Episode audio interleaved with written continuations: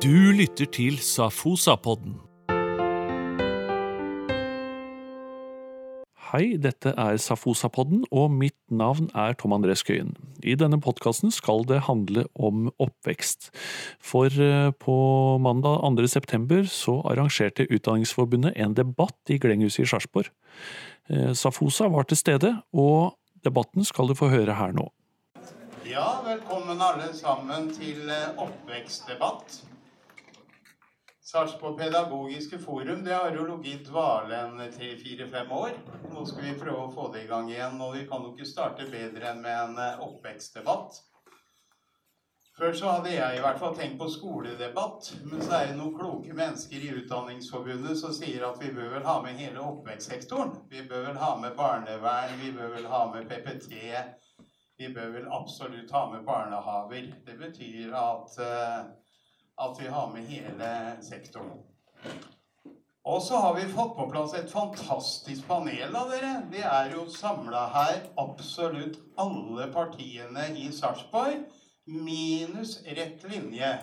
For Rett Linje sa til meg at de hadde ikke noe mening foreløpig om oppvekst. Så vi ber om å bli sitert på det i Sarpsborg Arbeiderblad. De hadde ikke det. Det skulle de eventuelt ha noe mening om hvis de ble valgt inn i bystyret. Så velkommen. Så da gir jeg ordet til eh, Knut Olav fra Utdanningsforbundet i Sarpsborg. Takk. Veldig hyggelig.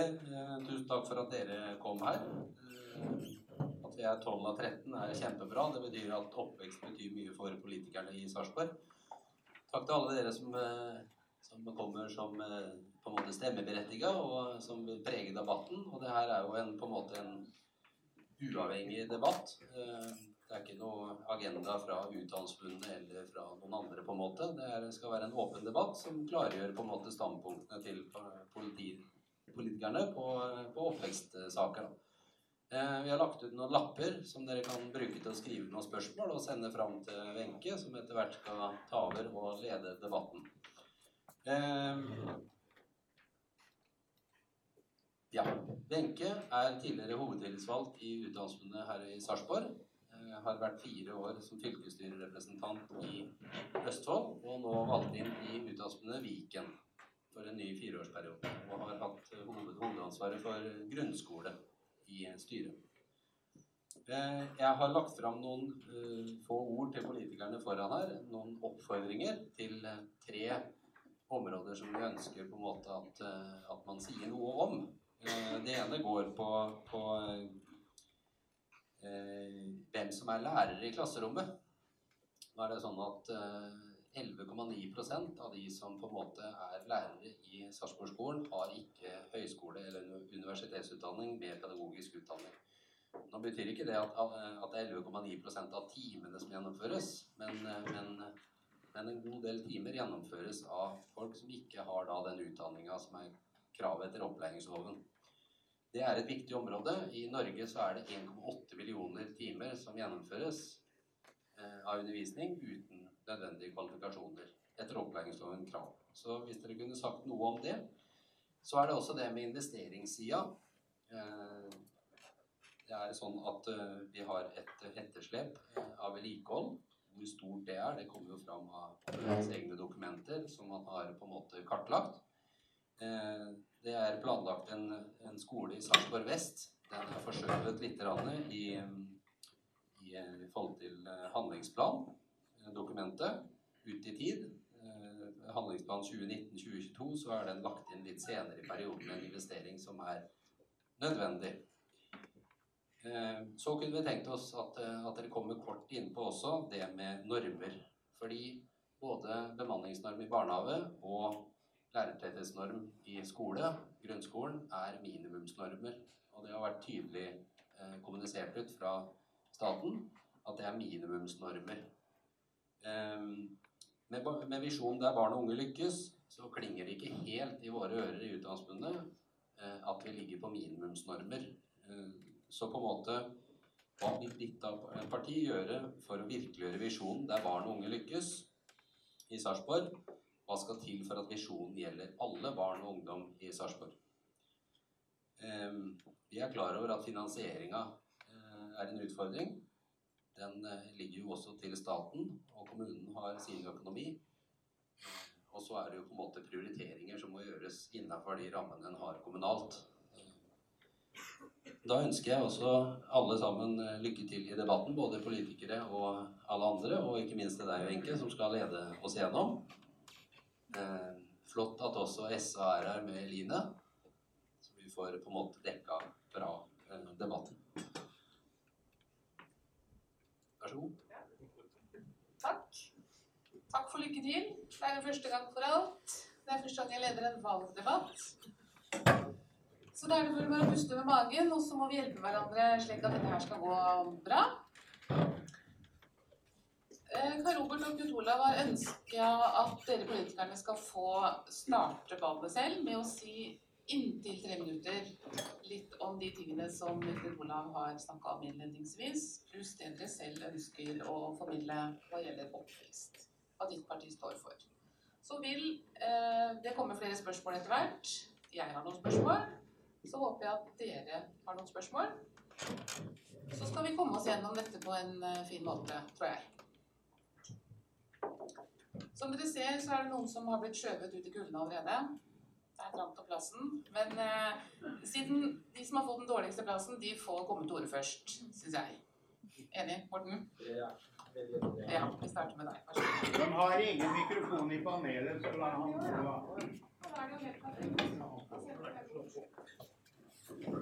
Er den på stopp? Nei. da er den på nå.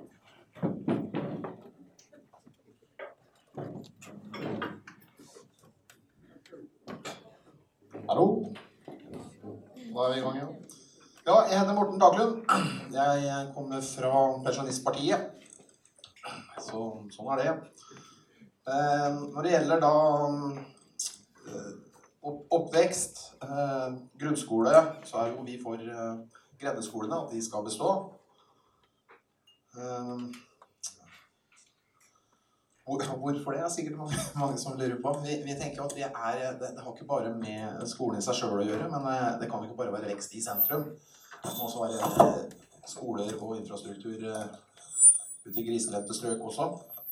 Og så er det dette her med kostnader, da. Når Så skal man da kjøre flere, flere trinn på samme årskull. Da er vi i Pensjonistpartiet opptatt av, av, av skjønn, rett og slett å bruke skjønn. Er det flere da i det kullet enn eh, hva statlige føringer skulle tilsi, så, så, så starter man ikke et nytt kull selv om det typ er tre elever med på det årstrinnet, da, kan vi si. Eh, At det ligger litt opp til skjønn, sånn sett, i, disse, i disse skolene. Um, hva mer var det du skulle si om dette her, eh, disse eh, skolene? Det var litt med investering fra dro opp, med etterslep og vedlikehold. Ja, det var etterslep på investeringene, ja. Nei, nå er det jo sånn, da. eh, Pengene må jo komme fra et sted. Hvor, hvor man skal ta det fra, det er jo det store spørsmålet, da. Da har vi ikke akkurat noen fasit på det. Det har vi ikke. Det er vel derfor vi tar det opp her i panelet, skulle jeg tro. For ingen, ingen vet eh, konkret hvor, eh, hvor vi skal ta disse midlene fra. Eh, Jeg har egentlig ikke noe mer å tilføye på, på disse skolene. Altså. Nei. Vi ønsker at det skal bestå. Du skal få komme til orde igjen, Morten, litt Ja. senere. Så kan vi sende stafetten videre. Jente. Ja, jeg er Henriette Pedersen, og jeg representerer Senterpartiet. Er andre på lista nå til kommunevalget. Eh, I Senterpartiet er vi også opptatt av å beholde grendeskolene. Vi er opptatt av at det skal være gode tjenester nær folk, der de bor. Og ikke bare i byen. Eh, Vi er opptatt av gode verdier og et fellesskap, så vi er for eh, den offentlige fellesskolen. Og litt mer skeptisk til for mange privatskoler hvor det kan skille, skille oss, elevene, fra hverandre litt mer. For det er økonomiske hensyn som tas, da, for da må de betale for å komme inn og ja, sånne ting. Vi går til valg på et tillitsløft i eh, kommunal sektor. Eh, fordi vi ønsker å unngå byråkrati. Og eh, vi ønsker også at de som er på gulvet, skal få snakke, komme til orde. At vi, vi som politikere må lytte til de som er på gulvet. Og at, eh, for det er de som er ute i klasserommet hver dag, de som jobber i barnevernstjenesten, de som er i barnehagen, som vet hva som trengs der. Og da vil vi ha et sånt trepartssamarbeid med de som jobber, de som er, eh, er ute på Som er ledere, og politikere. De som er politikere. Så tenker vi mye på at det er viktig å tenke framover, og ikke bare den kortsiktige gevinsten. Sånn som eh, annet så er det en, en sak om eh, noen videregående skoler som eh, de har lyst til å ha litt lavere midler da, til de videregående skolene. Fordi det kommer litt mindre elever om noen år. Men da tenker vi at veksten kommer igjen, så da lønner det seg bare å beholde holde de pengene som er. Eller bruke det til noe annet fornuftig. Og så har vi programfesta den hjertesaken vår. Det er, som jeg nevnte, det var jo å beholde disse grendeskolene.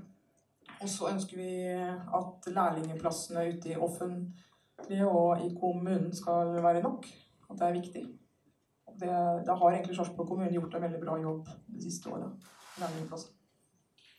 Og så er det viktig også å satse på de som eh, trenger litt eh, ekstra, ekstra hjelp og oppfølging. Sånn som f.eks. For foreldre som er fremmedspråklige eller noe. At de trenger litt, kanskje en fadderordning. Så det har vi i programmet vårt. At de kan trenge en fadderordning. Eller at de kan få litt eh, undervisning, eller hvordan man skal ha lekse, gjøre lekser. da. Ha litt leksehjelp. Hvor vi ikke får en heldagsskole. Så Ja, takk. Tusen takk til dere, Senterpartiet. Over til Høyre. Ja, jeg er Bjøre Leilertsen og er i Høyre, leder i Sarpsborg Høyre, og sitter også i utvalg for skole og oppvekst. Eller oppvekst og kultur, heter det. Eh, Sarpsborg Høyre er jo selvfølgelig opptatt av at alle barn skal bli selvstendige, ansvarsfulle og reflekterende og skapende mennesker. Derfor er det viktig å gi en skole hvor alle barn har muligheter, uavhengig av sosial bakgrunn. Eh, Dette gjelder faktisk også tilbudet om private skoler. Eh, CS har jo akkurat åpna nå i august, og da må jeg få lov til å fortelle at det gjelder faktisk ikke bare for de som har penger. De som også vil gå som på en måte er lavinntektsfamilier, har også mulighet til å gå på CS for å søke støtte fra styret på skolen. Det har jeg fått beskjed av, Lise Oman å måtte formidle. Um, det viktigste for Høyre er at alle elever i barneskolen skal lære seg å lese, skrive og regne, og opparbeide seg digitale ferdigheter. Og selvfølgelig så er den, enkle, eh, den viktigste enkeltfaktoren i skolen er jo læreren. Vi mener at den viktigste oppgaven for læreren er å undervise på en måte som sikrer god læring og mestring for elevene. Og det at det er ufaglærte eh, i skolen, det er dessverre så har jo det vært det i ja, årtider. Og selvfølgelig så er det viktig at flest mulig på skolen, eh, de som underviser, har den riktige utdannelsen. Det står vi absolutt for. Og det er jo derfor det er viktig også å etterutdanne lærere. Det er et viktig punkt. Og i, i begynnelsen så var det veldig mye negativitet på det her. Men ettersom jeg har skjønt for kompetanse jeg har på Sarpsborg, så har det her vært mye mer populært enn de hadde trodd. Og det har vært flere enn det som egentlig skulle være tilgjengelig, som har fått lov til å delta. På norsk og matte, i hvert fall. Ehm, eh, Vi er også for at det skal være andre yrkesgrupper i skolen. Det bør være mm, spesialpedagoger, miljøarbeider, barne- og ungdomsarbeider, vernepleier og absolutt helsesøstre. Det er et stort point med å ha helsesøster på skolen. Det er jeg blitt fortalt, og det har også Jeg sitter i SU i Sandsåsveien barneskole.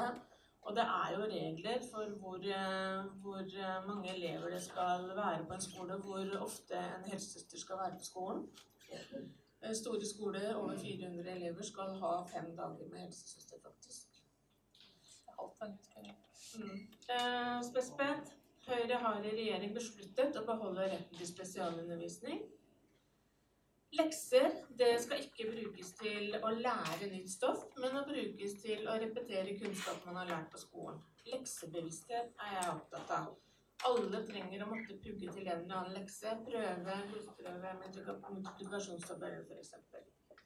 Så er det jo Da var det Du skal holde det igjen, vet du, Juri. Sammen. Er Jan Petter fra Rødt.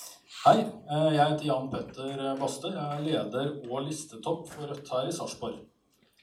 Eh, Jeg har egentlig skrevet en eh, ganske omfattende presentasjon, men så ser jeg det at det treffer ikke helt på det arket jeg fikk her. Så jeg tror jeg tar det litt på sparket isteden.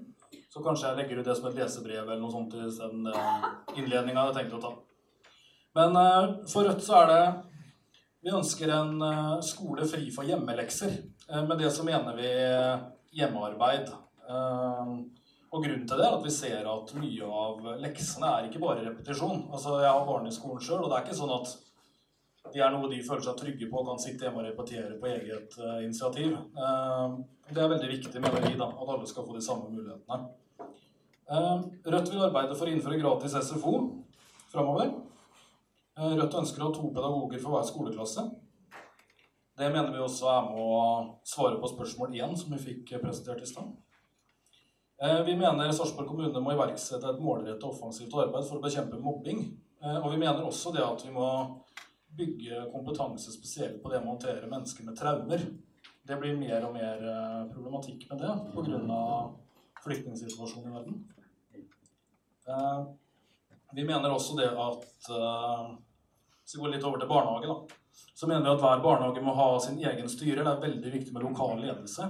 Det er viktig for de ansatte og viktig for barna. Eh, Vi vil ha et tak på 20 på gruppestørrelsene på stor avdeling og 10 på småbarnsavdeling. Eh, I tillegg så mener vi at bemanningsnormen er, eh, som dere sa i stad, det er en minstekrav. Vi ønsker at det skal være maksimalt fem barn per voksen i stor avdeling og tre barn per voksen i småbarnsavdeling. På sikt ønsker Rødt å arbeide for at barnehager skal bli gratis. Vi er veldig realistiske, og vi forstår at det ikke kommer til å være innført i løpet av de neste fire år. Men vi vil jobbe for å redusere prisen. Eh, utover det så tenker jeg på det, mm, de spørsmåla vi fikk av dere. da. Så er det jo litt det med etterslep og vedlikehold. altså Det er jo prioriteringer. Eh, Sarpsborg kommune og flertallet i bystyret har valgt å prioritere orkestergrav på Sarpsborg scene og utviding av bibliotek. Og da går det på bekostning av ny skole. Det, man kan ikke bruke pengene flere ganger. Eh, Rødt vil i hvert fall at man skal evaluere og se på de størrelsene på det som er prioritert. Ja. Tenker det klarer seg for meg. Tusen takk. Flott. takk. Da er det Henriette fra SV. Nei, Guri fra SV. Unnskyld. Takk skal du ha. Guri Bugge, SV står på tredjeplass på lista til valget. Eh, Jeg flytta til Sarpsborg fra en Høyre-kommune pga. visjonen om at det er her barn og unge lykkes. Og det skillet var enormt. Det er veldig masse igjen å gjøre i skolen i Sarpsborg. Det er veldig mange utfordringer. Det er er, absolutt ikke noe paradis. Men i forhold til den høyrestyrte, nedkjørte skolen som vi kom ifra, så er det her helt annerledes. Vi har møtt så masse dyktige, knakende dyktige fagfolk i alt fra PPT, spesialpedagoger, audiopedagoger, lærere, assistenter, alle vi møter, og også ledelsen. Men de trenger eh, bedre rammer. De trenger bedre rammebetingelser. De trenger tid og rom og tillit til å gjøre jobben sin så godt som de ønsker å gjøre det. For det her er en yrkesgruppe som er styrt av en indre motivasjon, og som virkelig ønsker å gjøre jobben sin bra. Og det mener vi vi må gi dem rom til å gjøre det. Uh, Høyresida snakker ofte om denne superlæreren som de skal få fram. Den superlæreren som klarer å løse alt uansett hvor stor gruppa er. Vi mener at superlærerne fins ute i skolen. Det er bare at de må ha rom til å gjøre jobben sin. Skal gi høyresida og regjeringa kred for dette kompetanseløftet i form av at dette er noe lærerne har ropt etter hele tida. Det er jo ingen som har lurt på at de ønsker mer kompetanse og videreutdanning. Og, men det er jo altfor lite i forhold til hva de ønsker seg. Uh, og de ønsker seg òg, som sagt, de ønsker seg å gjøre en god jobb. Da må vi sørge for at jeg har alt jeg trenger rundt seg.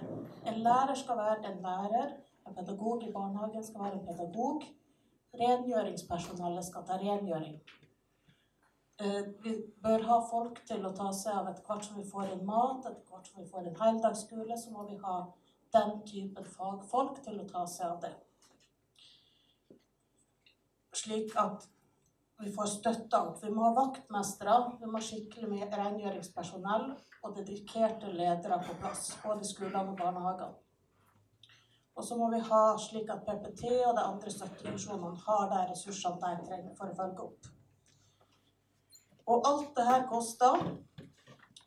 Og vi mener at en måte å få til det på, det er at offentlige midler brukes til gode for barna i barnehagen og skolen. Ikke går til profitt, og ikke går til skattekutt for de rikeste.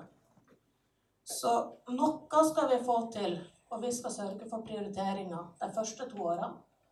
Og så må vi bare alle sammen sørge for at det blir et regjeringsskifte, slik at kommunen får de økte midlene vi trenger for å virkelig få fart på oppgraderinga av byggene våre. Få inn de normene vi trenger, for det er ingen tvil om at SV har veldig gjennomtenkte tanker om normer. Fra alt fra hvor mange bør det være i småskolen, mellomskolen, videregående, barnehagene. Alle de tallene har vi tenkt gjennom. Det skal ikke være noen minimumsnormer i form av absolutte minimum. Det skal være det barna trenger, som er i fokus. Takk skal du ha. Erik. Ja, mitt navn er Stein Erik Vestli. Førstekandidat til Frp. Eh, Kom med i Frp for eh, 32 år siden som helsepolitiker. Og så Det har vært eh, stort sett. eh, Men for fire år siden så hadde vi en plass som Frp kunne få første vara til kultur og oppvekst. Eh, Og det passa egentlig veldig fint, for da hadde jeg et barnebarn på fire år. Jeg så hva som kom til å komme, og da tenkte jeg det er fint å være med og følge med litt. Og så har jeg vært eh, så heldig at jeg har vel vært på alle møtene utenom tre, tenker jeg meg, helt i begynnelsen. Eh, veldig interessant. Og dette her er jo dem som skal ta over etter oss.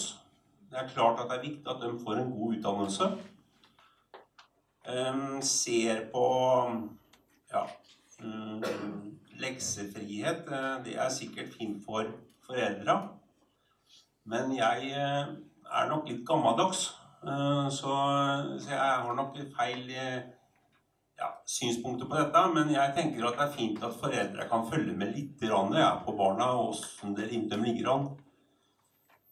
Så er det snakk om eh, utdannelsen til dem som jobber på skolen. Den eh, må jo selvfølgelig være god. Og her ser vi at det er 12% som anker høyskoleutdanning.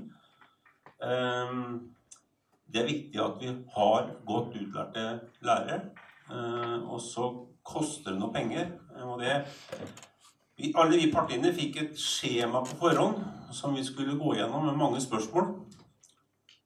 Og når jeg leste gjennom de svarene jeg hadde gitt, så eh, fant jeg nok ut at dere kanskje jeg hadde vært litt for positiv. For eh, det koster mye penger. Eh, og det er sterke prioriteringer som vi eh, politikere må gå gjennom. Vi har mange felt som skal følges opp. Men eh, vi, vi må gjøre så godt vi kan for barna våre og barnebarna. Eh, ja, og så ble det sagt der at eh, jeg pleier ikke å snakke om sentralt, men eh, det ble sagt at eh, vi må få en annen regjering, eh, så kommunene får de pengene de trenger. Jeg må minne på at Sarpsborg kommune har aldri, aldri hatt så stort disposisjonsfond som de har nå. Takk. Da er det Helene fra MDG. Hei, jeg er annenkandidat. Eh, og er det én ting som står meg nært, så er det skolepolitikken. Eh, både fordi jeg har vært gjennom systemet selv og opplevd å ikke mestre, og fordi jeg daglig jobber i PP-tjenesten som PP-rådgiver, og har tidligere jobbet som spesialpedagog, lærer og barnehagelærer. Og for meg er det ingen andre enn MDG som har et bedre helhetlig syn på oppvekstpolitikken. Eh, blant annet så vil vi ha høyere norm for større pedagogtetthet i barnehagene. Vi vil bevare de praktiske og estetiske fagene som i dagens skole stadig blir nedprioritert. Vi vil legge bedre til rette for mer fysisk aktivitet, skolehager og trygge skoleveier. Skape en skole som legger rette til for alle barn, og ikke bare de som passer inn teoretisk i boksen. Sikre sosialfaglige medarbeidere og spesialpedagoger, men nok pedagoger må stå høyt prioritert først.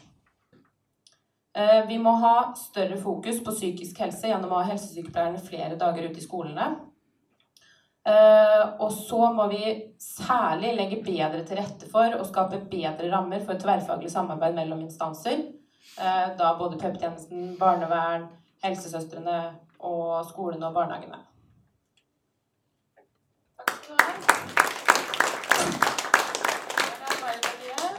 Ja, takk for det. Svein Larsen heter jeg og er gruppeleder for uh, Arbeiderpartiet. Um, en av Arbeiderpartiets kongstanker har jo vært at uh, alle skal ha like muligheter. Uh, og det gjelder også i skolen. Så derfor så er vi veldig tilhengere av en sterk offentlig fellesskole.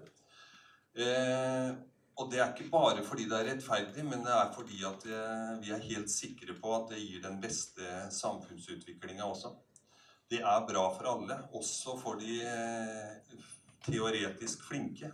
Det at vi møtes på tvers av eh, sosial bakgrunn, på tvers av økonomisk bakgrunn, eh, på tvers av kulturer, det skal, gjør at vi skaper et bedre samfunn. Og at det kan motvirke segregering og utenforskap. Vi ønsker en skole da selvfølgelig som eh, er for alle, og som eh, må ha en sterk satsing på tilpassa opplæring. Det har blitt et slitt begrep etter hvert, men eh, jeg tror at inntil vi finner et annet, så må vi bruke det. Og det handler jo om å se den enkelte elev. Så er ikke det like enkelt alltid, men jeg tror at vi, vi kan klare det ved en del tilrettelegginger. Ehm, så er vi veldig klar over at den viktigste faktoren for, å, for at barna skal lykkes i skolen, det er læreren i klasserommet. All forskning tyder på det. Etter valg av foreldre så er det læreren i klasserommet som er den viktigste faktoren for at eh, elever skal lykkes. Ehm, og da må vi ha tro på at dere eh, som er her i dag, som er lærere, Eh, vet hva det vil si å gjøre den jobben, og det vet dere.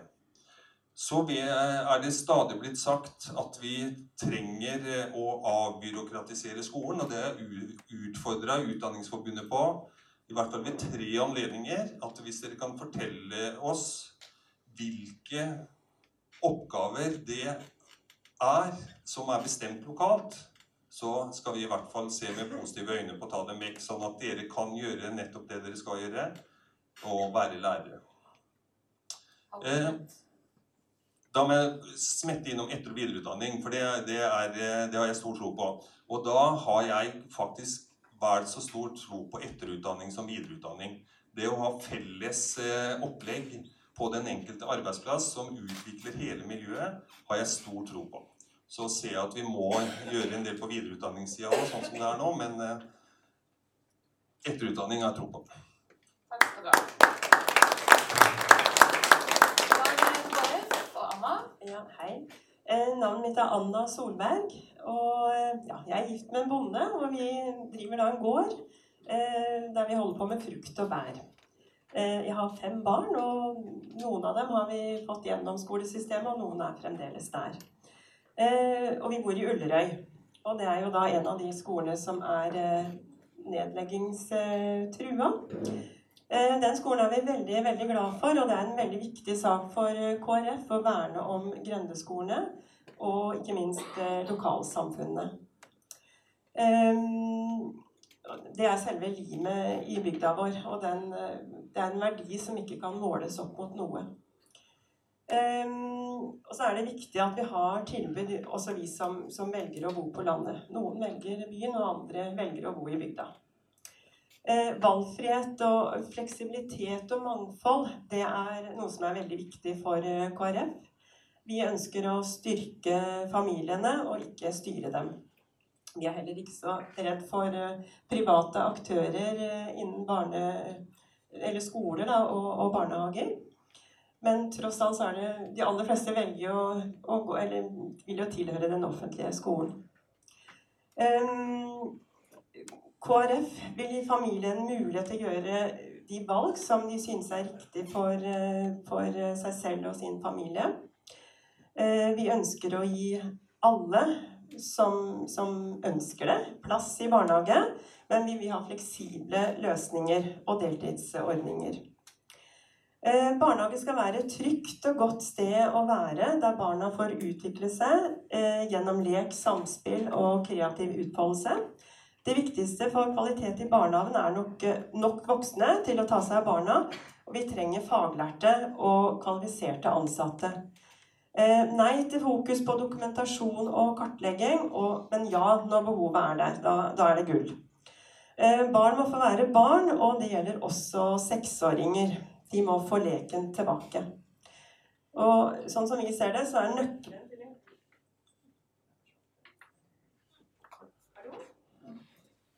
Bruk den andre, så skal jeg bytte batterier på den. Ja. Um, ja. Nøkkelen til en god skole, det er nok lærere og kvalifiserte lærere. Eh, KrF vil ha mer ressurser til skolen. Flere lærerpedagoger, spesialpedagoger, sosiallærere, vernepleiere og ikke minst helsesykepleiere. Den norske lov den sikrer alle barn rett til en tilrettelagt og inkluderende opplæring. Eh, og dessverre så ser vi at det ofte svikter der ressursene skal fordeles. Eh, vi ser at barna som trenger undervisning av pedagoger med høy kompetanse, ofte blir undervist av ufaglærte assistenter. Alle barn har rett til å gå på nærskolen sin, og det handler om mye mangfold, likeverd og ikke minst menneskerettigheter. Eh, noen foreldre vil likevel velge alternativ skolearena, og da tenker jeg greit nok, men da må det være pga. barnets beste, og ikke fordi det er enklest og økonomisk gunstig for, eh, for kommunen. Da har du fått et halvt minutt ekstra, så da stopper jeg deg. Men du skal få sjansen igjen. Takk skal du ha. Da er det Ståle Ja. fra Sappose. Det var Ståle Solberg fra listekandidat for Sammen for Sarpsborg. Jeg har eh, også fem eh, barn, hvorav den yngste er et fosterbarn. Eh, og er opptatt av skole. Eh, først si litt om rollene. fordi at eh, det er jo sånn at skolen består av lærere som skal få lov å være lærere. Det består av en skoleledelse. Og det er foreldre som egentlig etter norsk lov har ansvaret for opplæringen. Så skolen gjør det på vegne ikke av kommunen eller politikerne, men egentlig etter loven for foreldrene. Og så er det jo en skoleadministrasjon i kommunen, og det er elevene selv som skal få være med å, å, å bestemme. Og utvikle den, den rollen i samfunnet. Så vi som politikere vi er jo bare en del av eh, det her bildet. Og som politikere så har vi også da eh, ansvaret for hele helheten. Eh, alt ifra barnehage, eh, grunnskole, men også da privat og offentlig. Både barnehage og grunnskole. Og vi har også en rolle i forhold til videregående skole, selv om den driftes av eh, fylkeskommunen, eller Viken som det blir nå. Fordi vi har en rolle i å promotere og få, få de utdanningstilbudene og kanskje linjene eh, som kan passe inn i vår by. Og vi har også en rolle i forhold til både faghøyskole og, og, og, det å få, få, som er nedlagt, og BI, og det å få sånne ting tilbake igjen til, eh, til byen, og også kulturskole. Så ble det sagt eh, veldig greit her, vi trenger nok lærere. Eh, Det er veldig forskjell, jeg har vært lærer sjøl, det er veldig forskjell på å være 18 elever og 30. Du rekker ikke å følge opp, liksom. Så det er bare en erfaring at det er den opplevelsen av å føle sjøl at den ikke har vært god, eh, fordi at den ikke klarer å henge på alt sammen, det er en god opplevelse. Og den, det ble sagt der superlæreren fins ikke. Eh, så og, vi ønsker også eh, dette med andre fagfelt, for det er veldig mange ting som skjer i skolen i dag. Mange episoder, mange ting som ja, ikke, ikke alle får høre om fordi det er liksom litt sensitivt for de som er involvert og sånn. Men det er veldig mange ting som skjer i skolen. Eh, så vi trenger ulike fagfelt. Eh, og vi trenger bygg som, som, som er eh, representative, og som, som, viser at vi prioriterer barna. Grendeskolene har vi brukt, i hvert fall jeg har brukt mye tid på det de siste årene. Og opplever vel at det er, i hvert fall for de ti neste åra, sikra gjennom den kursendringen som kom nå i valgkampen. Eh, og så rekker jeg å si at lekser sier vi ja til fordi vi mener at det er viktig at barna får en og foreldrene får en rolle sammen. Hvis jeg rekker å si det, så er det det her med penger som kommer inn hele veien. Eh, og vi sier jo ja til alt, vi, men vi må passe på at eh, Er dette et stortingsvalg, eller er det et lokalvalg? Det, kommer det penger med, eller er det prioriteringer? Eh, fordi vi ønsker oss jo så mange ting. Sarpsborg er en fattig kommune. Vi har eh, sammenheng får ønske deg mye, mye mer eh, utover kvelden, Ståle. Takk så lenge. Takk for det. Da skal vi til venstre og Eivind. Takk for det. Eh, jeg heter Eivind Pil Martinsen og er førstekandidat for Sarpsborg Venstre. Jeg eh, har jobba de siste fem og et halvt åra på Greåker videregående. Eh, før det så jobba jeg fem år på Borge ungdomsskole på andre sida av elva. Så jeg har litt erfaring både fra grunnskole og fra videregående. Jeg syns det er hyggelig det er så mange politikere her som har sterke meninger om pedagogikk og utdanning. Det, det, har vært mye snakk om hjertesaker her. Og det som er hjertesaken eh, til Sarpsborg Venstre, det er eh, barna og ungdommene som sliter. Eh, og dem har jeg sett mange av i løpet av elleve år i skolen. Eh, det er mye angst, det er mye depresjon, det er mye atferdsproblematikk. Eh, det er en del tyngre diagnoser. Eh, man får litt å bryne seg på som kontaktlærer. For det er jo faktisk sånn at på veldig mange skoler så er det kontaktlæreren som håndterer det her fra dag til dag. Eh, det er ikke uvanlig at man har én til to dager med helsepersonell til stede på skolen. Og utover det så er det læreren som eh, tar det her. Man kan snakke om byråkrati og man kan snakke om tidstyver, men man prioriterer jo selvfølgelig de elevene som trenger det. Noe som gjør at man enten blir sittende langt utover kvelden, eller ender opp med å nedprioritere pedagogisk arbeid og planlegging av undervisning. Eh, det er i hvert fall min erfaring. Eh, vi tenker at en investering i flere yrkesgrupper inn i skolen f.eks. Nå, nå registrerer jeg at det er flere og flere partier som mener det samme. Det syns jeg er veldig fint. Eh, F.eks. skolepsykolog, psykiatrisk sykepleier, sosionom. Folk med helsebakgrunn som kan jobbe som miljøarbeidere. Eh, det har jeg veldig, veldig tro på. Og jeg tenker at det her er et forebyggingstiltak. Det vi putter inn i det her, det får vi tilbake igjen i form av redusert frafall, i form av eh, forebygging av rusproblematikk. Eh, det er mye snakk om leksefri her. Eh, Sarpsborg Venstre mener at politikerne kan drive med politikk, og så kan vi la eh, lærere og skoleledere holde på med pedagogikk. Eh, jeg har sjøl hatt leksefri i mange av fagene jeg underviser i. Eh, men det gjelder ikke alle fag, og det gjelder ikke alle lærere. Og jeg tenker at vi må ha tillit nok til skoleledere og lærere eh, til å tenke at de klarer veldig fint å styre hvordan elevene får best mulig læring. Enten det er med eller uten lekser. Takk. Takk. Var så nærme som du kan få komme. 2,57. Anneksa. Da er det Inger Marit. Det er Inger Marit Sverresen, Partiet De Kristne. Eh, først så vil jeg si det at eh, grendeskoler det er vi også veldig sterke tilhengere av.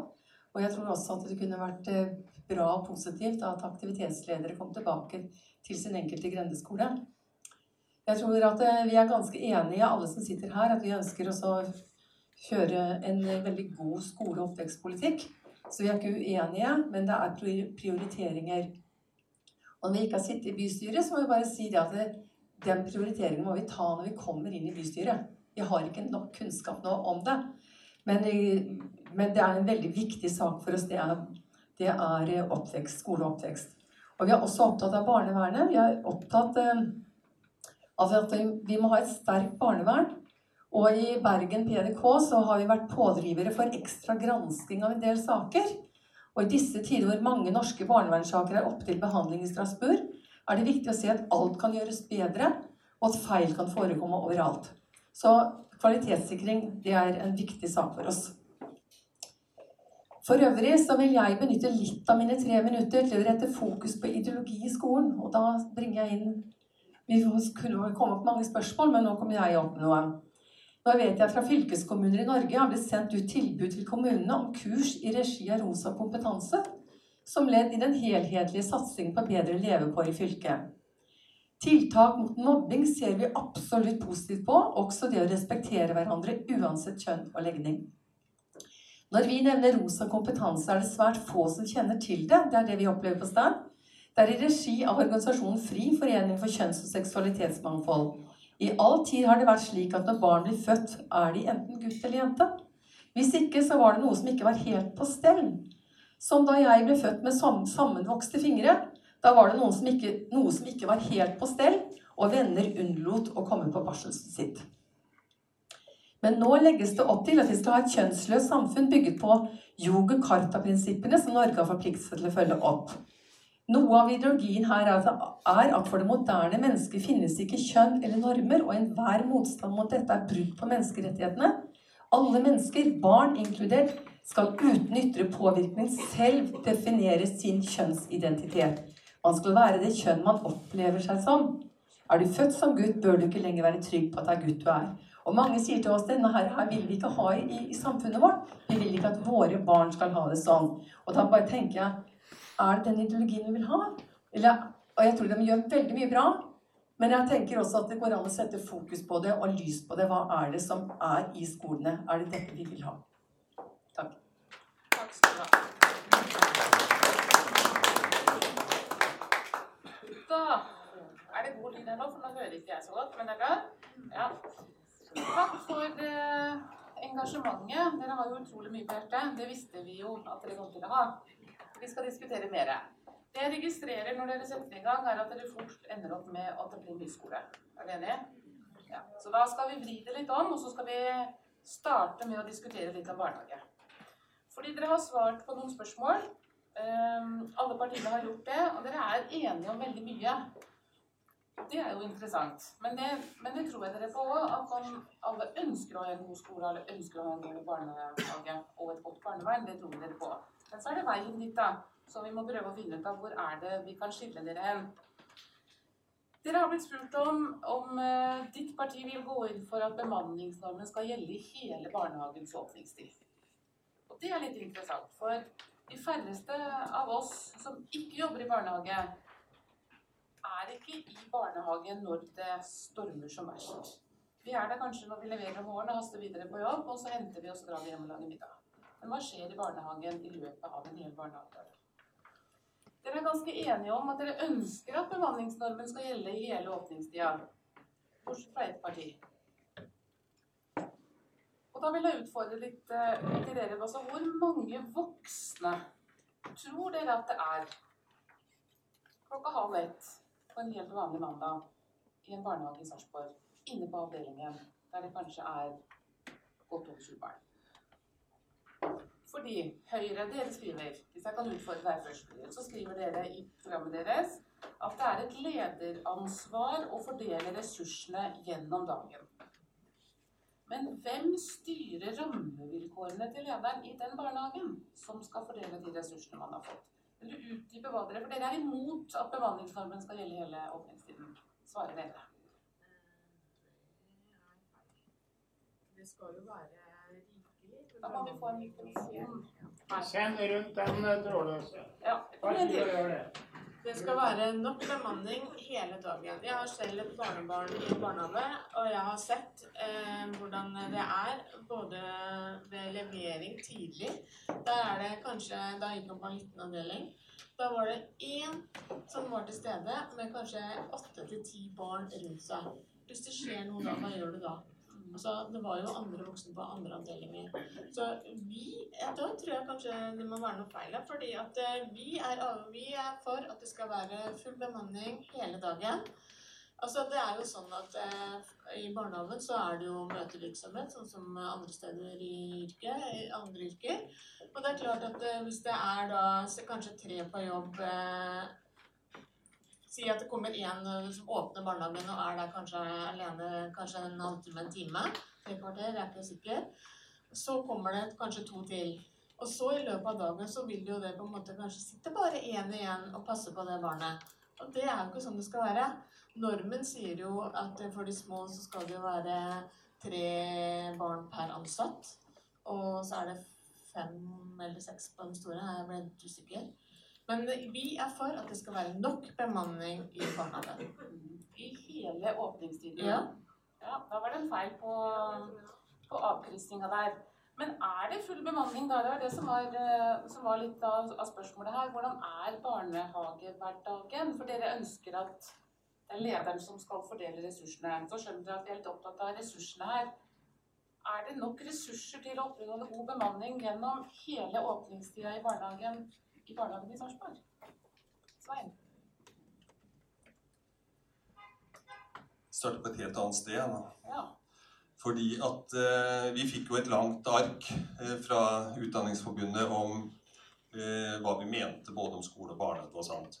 Og det jeg syns er litt synd, er at eh, jeg tror alle handla om ressurser. Alle spørsmåla handla om ressurser, ikke om eh, barnehageutvikling eller skoleutvikling eh, på andre områder. Det syns jeg er veldig synd.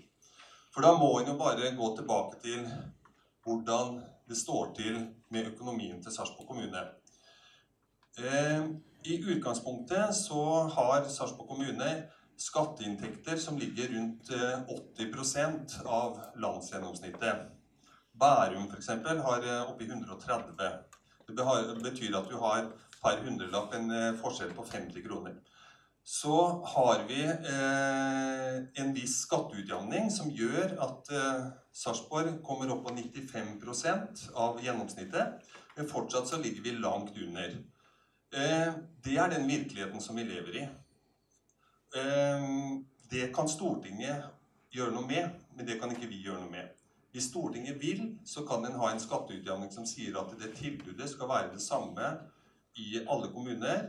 Så vi sier at skatteutjevninga er 100 at, at vi ser skatten over hele landet. Det er en mulighet.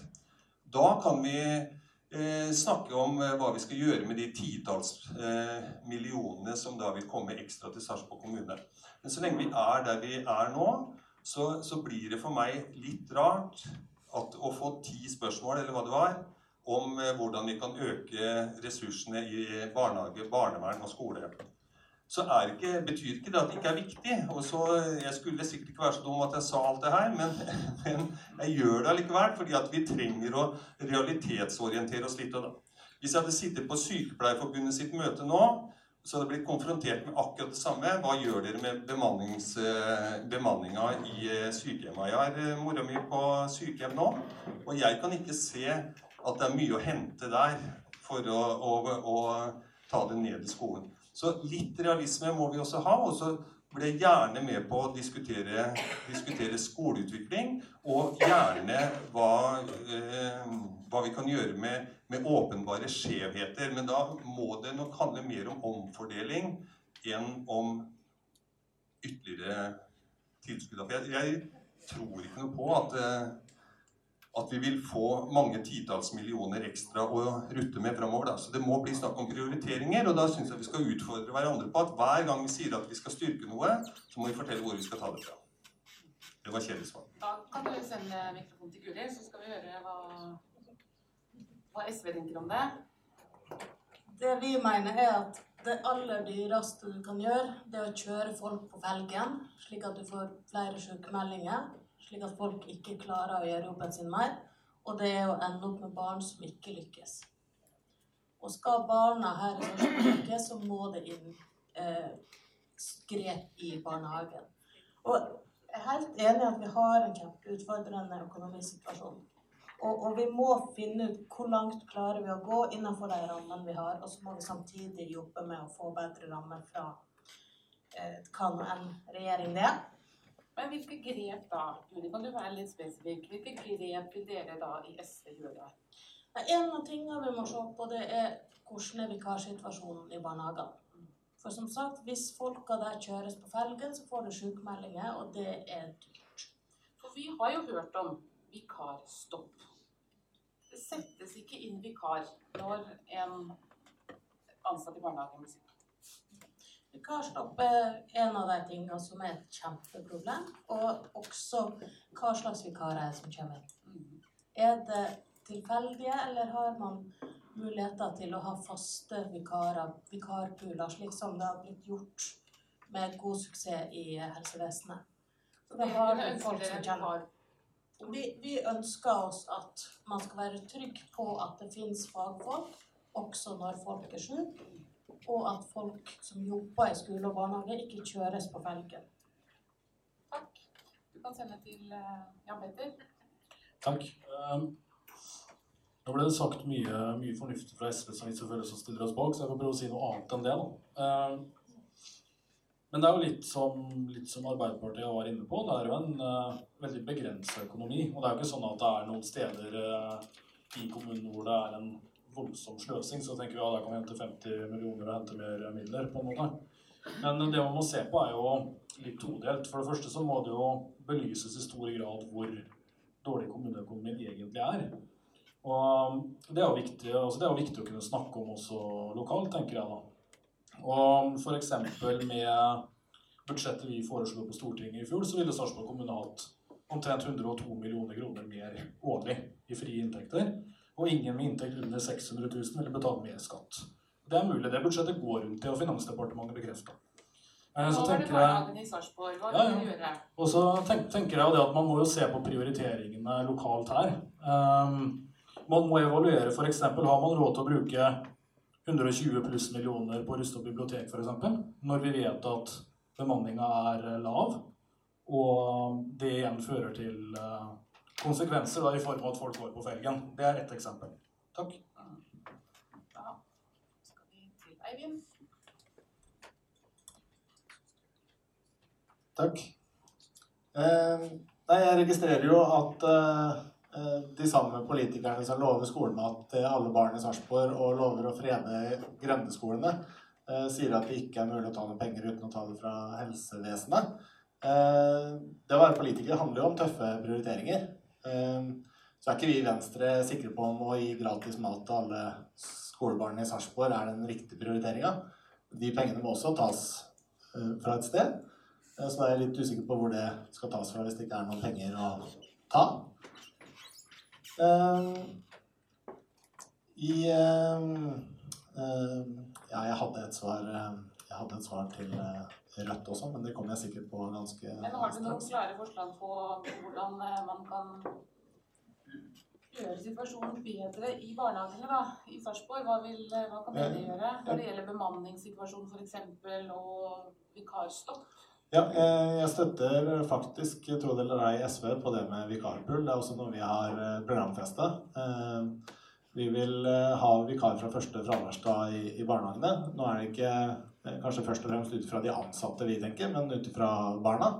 Eh, at de faktisk har eh, nok voksne til stede når folk er borte. Og vi tenker at det samme, selv om det ikke er barnehager, så at det samme kunne fungert Det jeg ikke nevnte i stad, var jo andelen med riktig utdannelse som underviser. Og jeg tenker at uh, Hvis man har en, uh, en vikarpool uh, i grunnskolen også, så vil man kanskje også klare å få opp prosenten av de som er, har riktig utdanning. Ståle? Ja, jeg vil kanskje starte med å si at jeg støtter jo egentlig litt den, den utgangspunktet til eh, Arbeiderpartiet og Svein Larsen, hvor man tar utgangspunkt i realitetene på økonomi. Eh, Sarpsborg har altså, ifølge Rådmanns budsjettfremlegg for 2019, altså forrige budsjettfremlegg, så har vi altså 90 millioner mindre i året. Eh, hvis du skal sammenligne oss en gjennomskommune, og da omregne til like mange innbyggere som vi har. Og så har vi en befolkningssammensetning som gjør at vi på toppen har 42 millioner mer i kostnader. Eh, det har med hvor mange som er gamle og mange, altså sånne ting. Så vi mangler altså 132 millioner i året for å ha gjennomsnitt i Norge. Og det er en veldig krevende situasjon. Så, så er det det med bemanningsnorm i barnehagene. Og jeg må si at det er noe som jeg er veldig opptatt av, og som bekymrer meg en del. Fordi det er en del forskning som, som viser at barn, eh, små barn, særlig de aller yngste, det er litt begrensa hvor mange ansikter de klarer å plassere, eh, forholde seg til. Og hvis gruppene blir store og skiftende, så kan det liksom gjøre noe med hele utviklingen av om man er en del av gruppa, eller om man bare liksom melder seg litt ut. Altså at det skjer noe med hele mennesket. Eh, så jeg er egentlig veldig eh, usikker på om vi gjør noen eksperimenter som vi ikke helt vet konsekvensen av. Eh, og hvor jeg tror den enkle løsningen er flere voksne og mindre grupper. Og, og liksom Altså det er det. Er det. Og så er det da å sette seg ned og si at ja, det vil vi ha. Det vil vi ha. fordi at det blir litt sånn hvis jeg krysser her og der, kosta det 10 eller kosta det 50 millioner? liksom, Hva, hva kosta det krysset? Hva kosta det krysset? Har vi de pengene? Så, så det, det, vi kan eh, love, er jo at eh, vi ønsker jo å jobbe veldig tett med Utdanningsforbundet. Og jobbe tett med på en måte altså Jeg ønsker at vi skal komme enda tettere på. da, eh, At politikerne kommer enda tettere på virkeligheten. og får, liksom, Så vi får jobba oss gjennom hva er, hva er problemstillingene her, og hvilke muligheter har vi. Da er det jo sånn at Når det gjelder eh, den statlige fordelingen til barnehagene, eh, så er det sånn objektive kriterier. og Da har man sagt at fordi det er færre med høy utdanning i Sarpsborg, så skal vi få mindre til barnehager. Ja, Men det er ikke noen sammenheng. Det er vel ikke mange... Ja, nei, men det har ikke noe å si. Vi har bestemt skal være sånn. Så det er liksom Utdanningsnivået bestemmer at vi får mindre overføring til barnehager enn enn andre kommuner. og Det er jo, det har jo ingenting med men, men de fleste andre kommuner kommer selvfølgelig godt ut av det. Og de ønsker ikke å omfordele det igjen. Så vi har, vi har, noen, vi har noen, kamper å ta eh, innover. Eh, men en av de store skillnadene i denne kampen er jo Arbeiderpartiet, som har eh, gått ut og sagt at hva, hva med skolemat? Som en viktig valgkampsak. Vi holder oss til barnehage. Det koster penger, da. Det var, hvis vi skal snakke økonomi. Ja.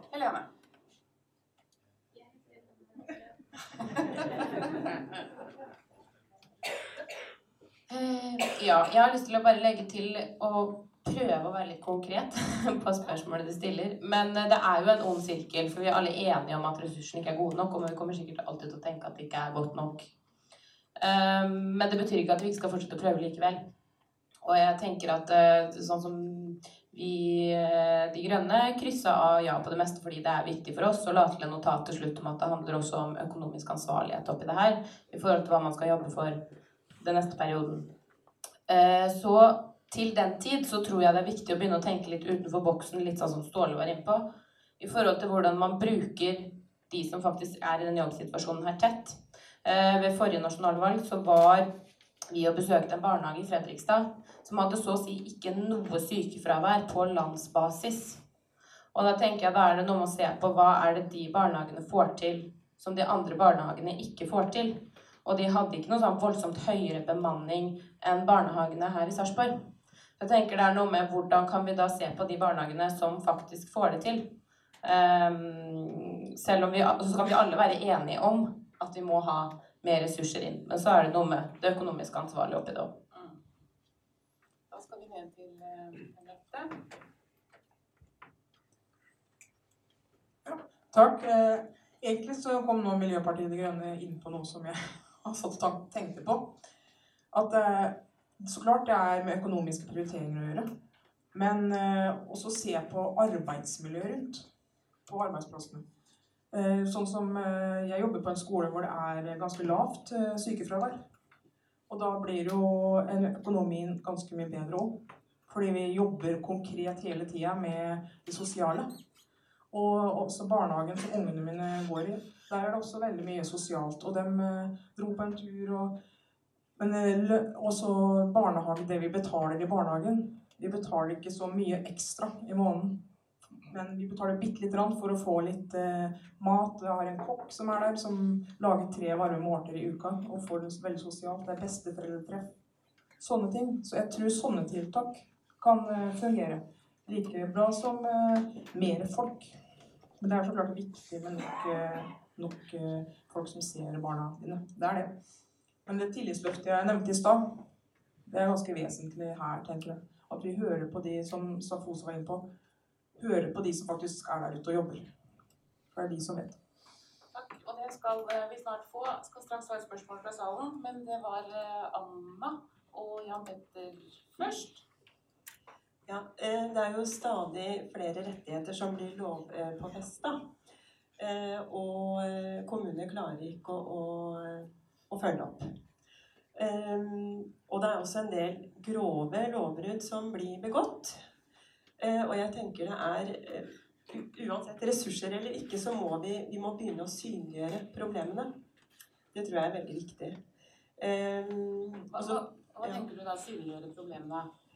Um, ja, i forhold til bemanning her, f.eks. Um, nå kan jeg også skyte til da, at, at regjeringen og KrF har, har gitt et tilskudd uh, på 100 millioner eh, for, å, for å hjelpe barnehage med å nå eh, bemanningsnormen. Eh, og kanskje eh, Kanskje må vi ha noen kommunale opprør til slutt, da, for, når kommunen ikke klarer å å, gjennomføre, eh, videreføre det lovverket vi har i dag, så kanskje vi må ha flere midler eh, gjennom eh, statlige overføringer. Men uansett så, så er det mye eh, som ikke henger på stell i Sarpsborg, både i barnehager og i skoler. Og det er veldig viktig at man eh, ja, fører avvik og, og, og synliggjør det. Der tror jeg du har mange med deg i salen på at det er viktig. Da er det Rødt. Takk. Jeg har bare et veldig kort uh, forslag. Men det er i og for seg relevant både for uh, utvikling av barnehagene og skolene. Men jeg tar det nå, da. Og jeg tenker For å utnytte ressursene best mulig syns jeg også det er veldig veldig viktig å ta med de som jobber eh, i barnehagene og i skolene, eh, på råd. Så Rødt ønsker at Utdanningsforbundet skal få plass med tale- og forslagsrett i kultur- og oppvekstutvalget i kommunen. Da eh, skal eh, Cecilie få stille spørsmål. Hvis noen andre i salen har spørsmål som også er relevant til det vi snakker om nå om barnehage, så kan dere få mikrofonen, eller dere kan sende meg en lapp. Det er skummelt med mikrofonen. Ikke bruk den, nei. Jeg blir helt svimmel jeg her nå. Får du betalt?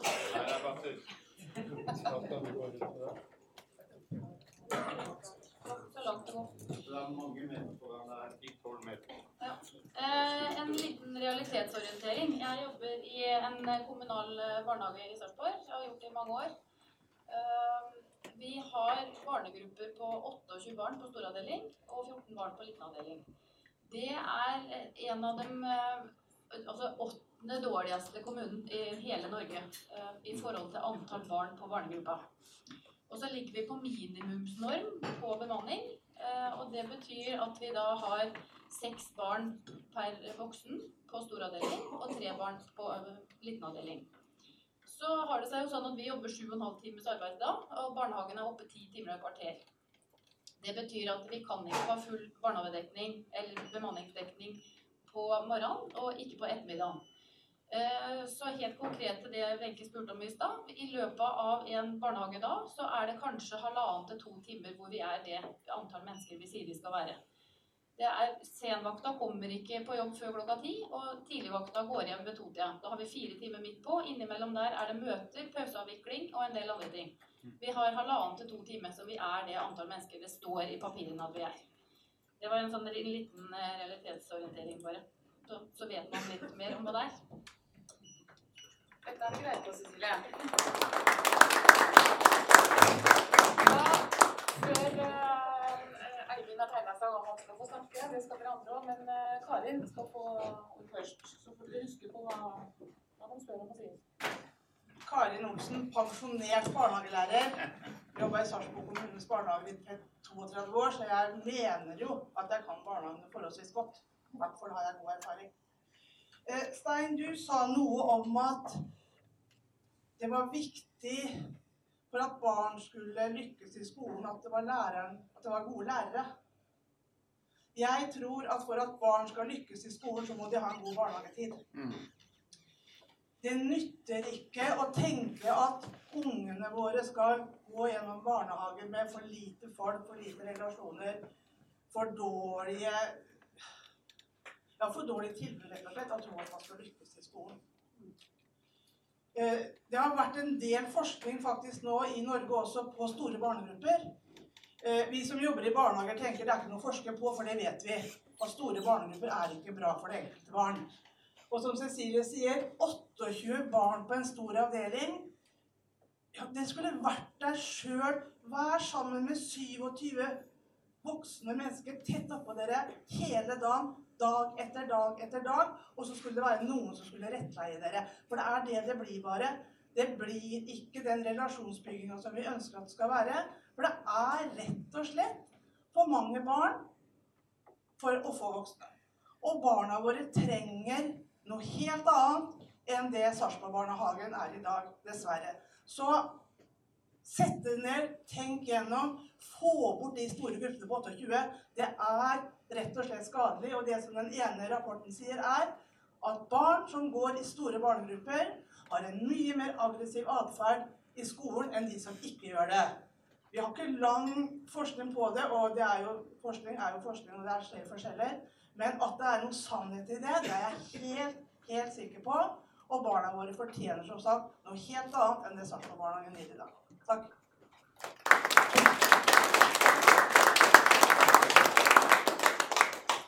Det, det blir på mange måter Ja, tok jeg bare nei, jeg bare så deg ikke. Nei, det er du som har ordet. Ja.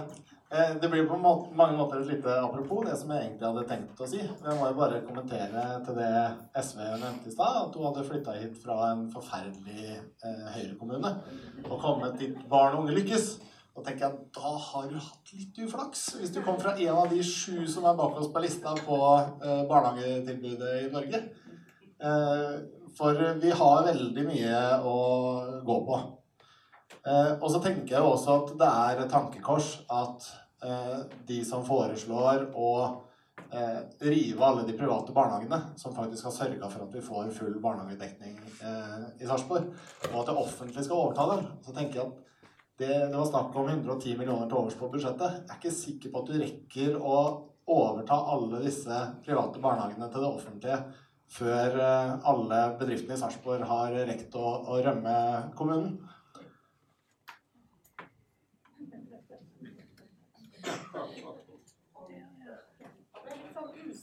Sånn for nå var det liksom Er det såpass kort at du kan få svette innom? Ja.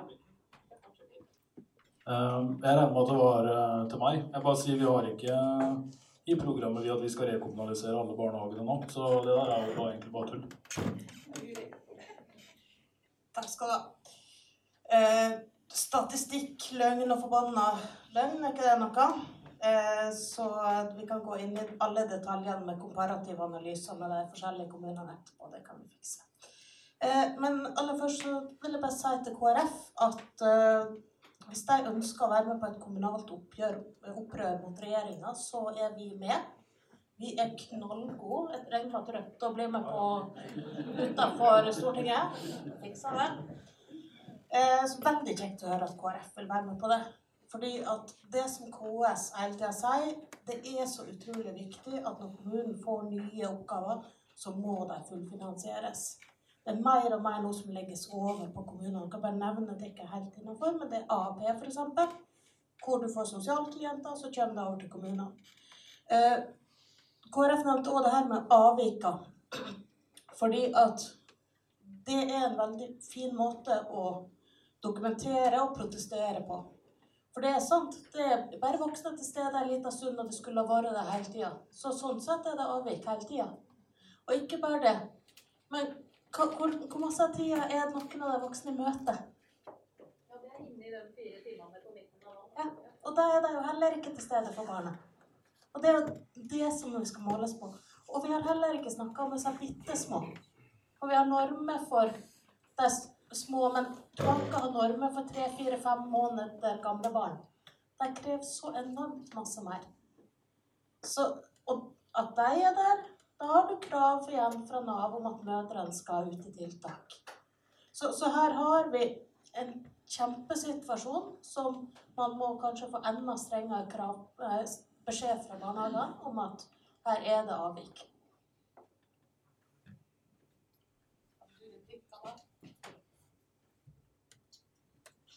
Opprør og opprør, det var kanskje litt hardt. Men, men det jeg mener, da, det er at vi må synliggjøre. For det begås veldig mange lovbrudd i både barnehagesektoren og, og skolesektoren i dag. Um, det gjør det. Og så må vi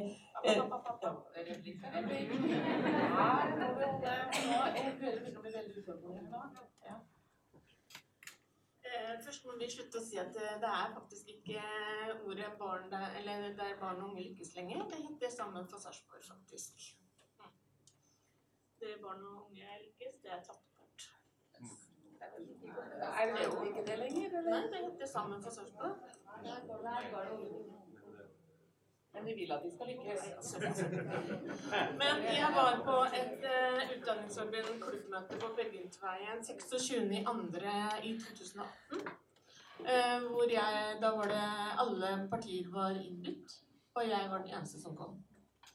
Da var det akkurat det samme problemet vi sitter og diskuterer her nå. Eh, om bemanningsproblemene, hvor store barnegrupper det var, og fortvilelsen var på alle sammen når vi snakker om 28 barn og for lite mennesker på jobb. Det som, det som jeg skjønner hvorfor du sier at jeg var imot i stad, for jeg har kryssa på nei-svar. Men svaret så står det vi støtter bemanningsnormen som Høyre regjering innførte. Vi mener det er viktig med nok ansatte på jobb, og det er et lederansvar å tilpasse bemanningen til når barn leveres om morgenen, og når det er høyest aktivitet i barnehagen. Det er svaret mitt. Og så må vi huske på det at eh, her i Sarpsborg så er det faktisk 72% av barn går i privat barnehage. Så hvis det er sånn at uh, Sarpsborg kommune skal ta over alle dem, da lurer på hvordan de skal klare det, akkurat sånn som noen andre her sa i stad. Um, det som jeg tenker, er jo at eh, bemanningsnormen per pedagog den har vært til stede i Sarpsborg eh, barnehage. Men det er jo det her med assistenter og barnehagelærer som, er, som ikke er på plass. Og som jeg sa, det skal være tre barn under tre år per voksen, og maks seks over tre år. Og så var det det med pedagogiske barn. Eller pedagogiske ledere som er på plass i alle barnehagene. Det har jeg skjønt. Men de store barnegruppene som blir Ja. trukket fram her For én ting er jo hvor mange voksne det er per barn, men når gruppene blir veldig store Ja, da er det altså at vi må ha flere barnehager, da. At vi må fordele. Da er det jo ikke nok plass i de, i de andre barnehagene. Altså St. Olav barnehage er jo fortsatt eh, ledige plasser. Men eh, det vil si at eh, når det er for store grupper, så er det jo rett og slett for få barnehager.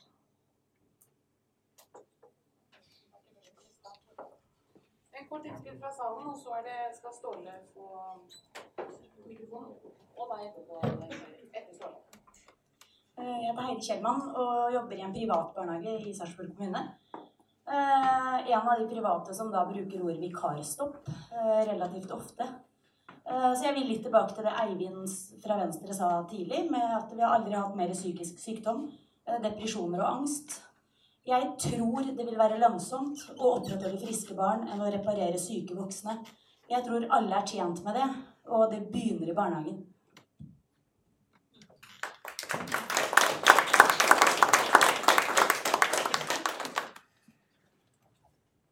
Ja, først Som eh, medlem av Kultur og oppvekst har jeg også vært eh, i samarbeidsutvalg både i Varteibarnehage og i Hafnes og i siste året.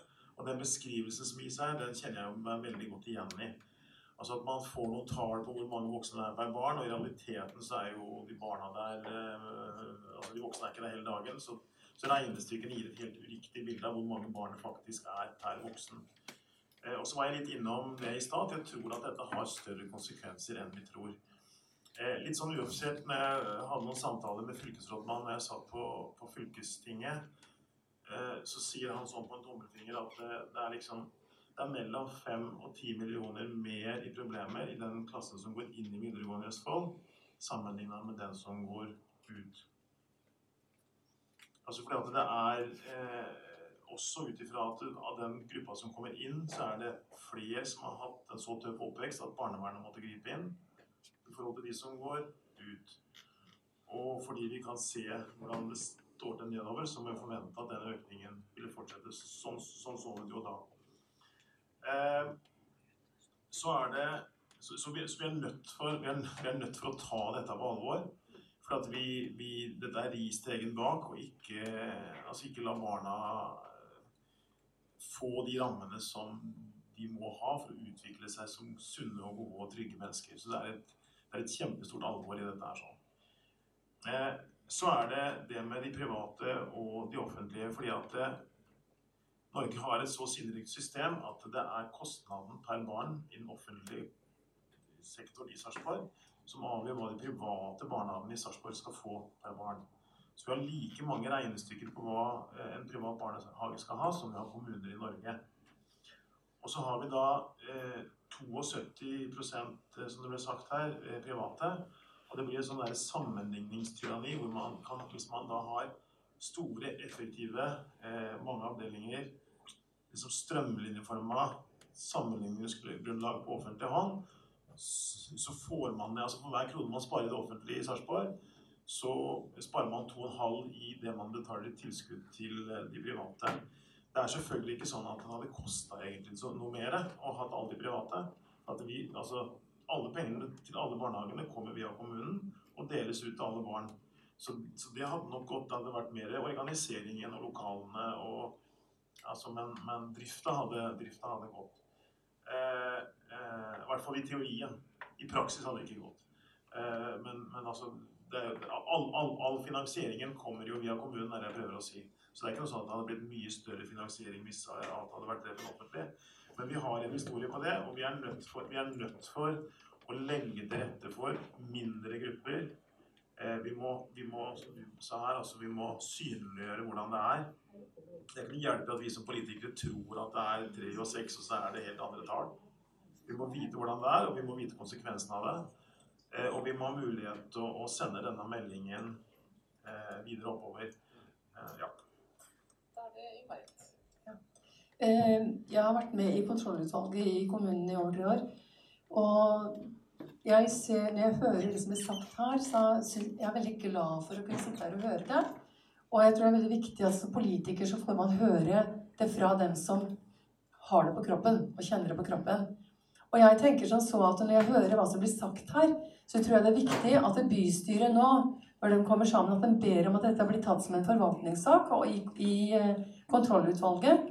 Og så at man ser hva er det som skjer i barnehagene, og, at man virkelig får lagt det på bordet. Så jeg vil oppfordre til at dette her må opp i bystyret, og at det må bli bedt om at det blir sett på i kontrollutvalget.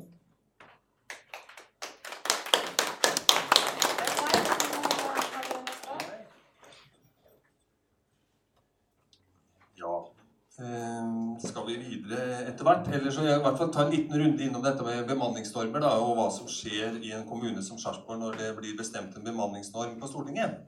Eh, fordi at da gjør en det sånn at en gjennomsnittsberegner for alle kommunene i eh, landet.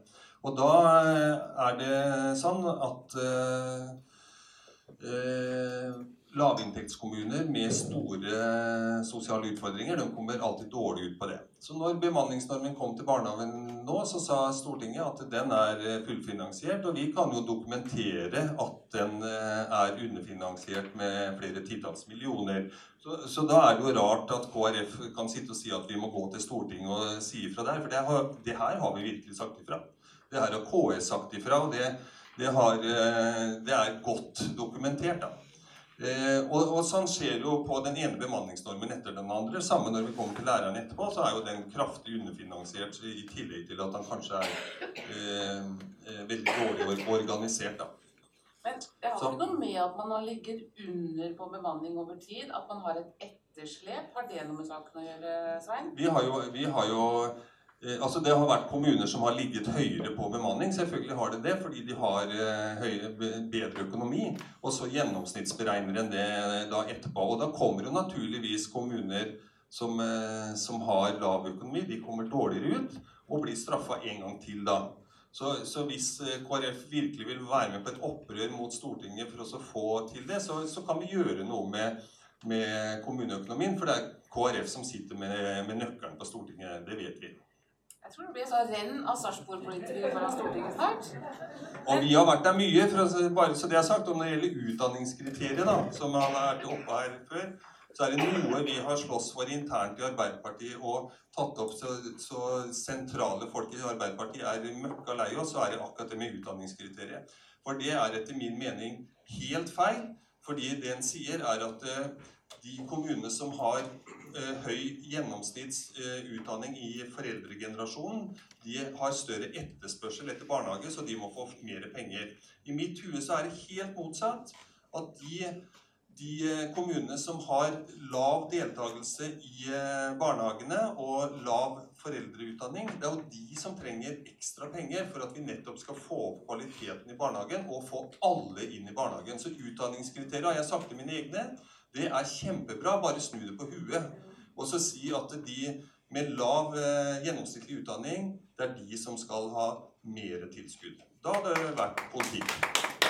Men, men så går mikrofonen litt til. fordi når bemanningsnormer i barnehagen skulle bli innført, så har jeg forstått det sånn at det ble flytta penger fra spesialpedagogikk i barnehagene over til ordinær drift i barnehagene. Mm. 800 000. Ja. Ble flytta fra eh, barn eh, i førskolealder som hadde behov for eh, særskilt hjelp, over for å dekke opp bemanningsnormen i barnehagen.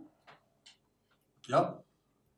Hva har skjedd da? Er det noen som har fått et dårligere tilbud her nå? Er det sånn at vi gir et dårligere tilbud til de barna som har behov for spesialpedagogisk hjelp i førskolealder?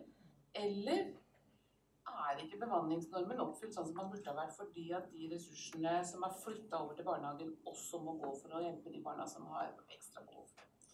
Altså jeg med, altså jeg tar det som en selvfølge at bemanningsnormen er oppfylt sånn som den er nå. Og det at vi her også snakker om at det begås daglig lovbrudd, da regner jeg med at eh, Utdanningsforbundet kan dokumentere det. Og så tar vi det til Fylkesmannen, eller så vi får avgjort det. Vi kan ikke gå rundt og ha det sånn at det er daglige lovbrudd i barnehagene våre.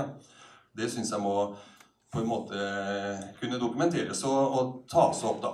Eh, når det gjelder det med spesialpedagogikk, så er det jo i hvert fall i mitt hue Jeg er spesialpedagog sjøl, jobba lenge med, med det. Eh, det er jo ønskelig at eh, antallet barn som får spesialpedagogikk, skal gå ned.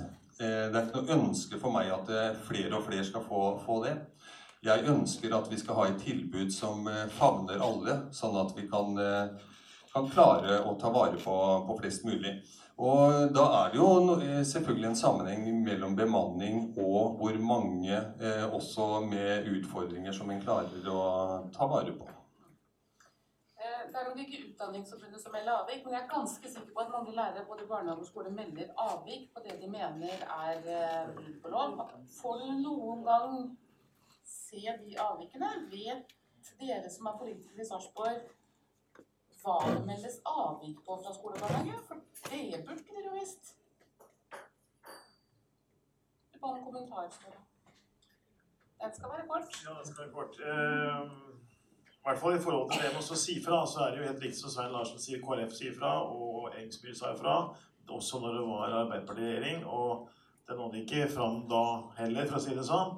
Eh, men en kan ikke la være å fortsette å, å, å, si fra. Så hadde jeg bare lyst til å ta en kommentar på det med Det var nevnt bibliotek, og vi kunne jo liksom brukt penger derfra og sånne ting. Jeg har bare lyst til å nevne det at eh, det er noen andre byer som gjerne ser at de bygger kulturhus og biblioteker og sånn, skal vi bygge Nav og mer sånne andre ting. For det er en, det er en kamp om befolkningssammensetning, og befolkningssammensetningen, hvorvidt vi er en attraktiv by, og unge familier med kanskje litt høye inntekter og sånn velger å flytte hit, avgjør om du får fortsatt at vi har 80% av skatteinngangen i forhold til når, gjennomsnitt nordmann også i framtida. Og Derfor så er det ikke så altså Vi, vi, vi feira dette tusenårsjubileet, og jeg tror det var lurt. Og jeg tror ikke at vi kunne brukt de pengene f.eks. her, bare for å ha sagt det. Det var kanskje at jeg bomma, men du var med blikk, jeg vet det. Og så er det Jan Petter, og så er det Henriette. Ja. Eh, bare litt replikk til det i forhold til når man snakker om at det begås alvorlige lovbrudd. Jeg tror nok at vi ikke har en helt sånn grunnleggende forståelse av hva som faktisk står, ikke dere, men politikerne, når man snakker om det med lovbrudd. Eh, av hva som faktisk står i opplæringsloven og i barnehageloven. For hvis man leser den, kontra i hvert fall mange barnehager og skoler som jeg er ute i daglig, så føler jeg noen ganger det er en sånn utopi. Det henger ikke helt sammen. Det er veldig, veldig gode tanker. Eh, men jeg tror også at det er så mange, meg personlig, som skulle meldt avvik flere ganger i uka fordi jeg ikke får fulgt eh, forvaltningslov er at vi brenner så for de barna her. At vi går ikke og fører avvik hver dag.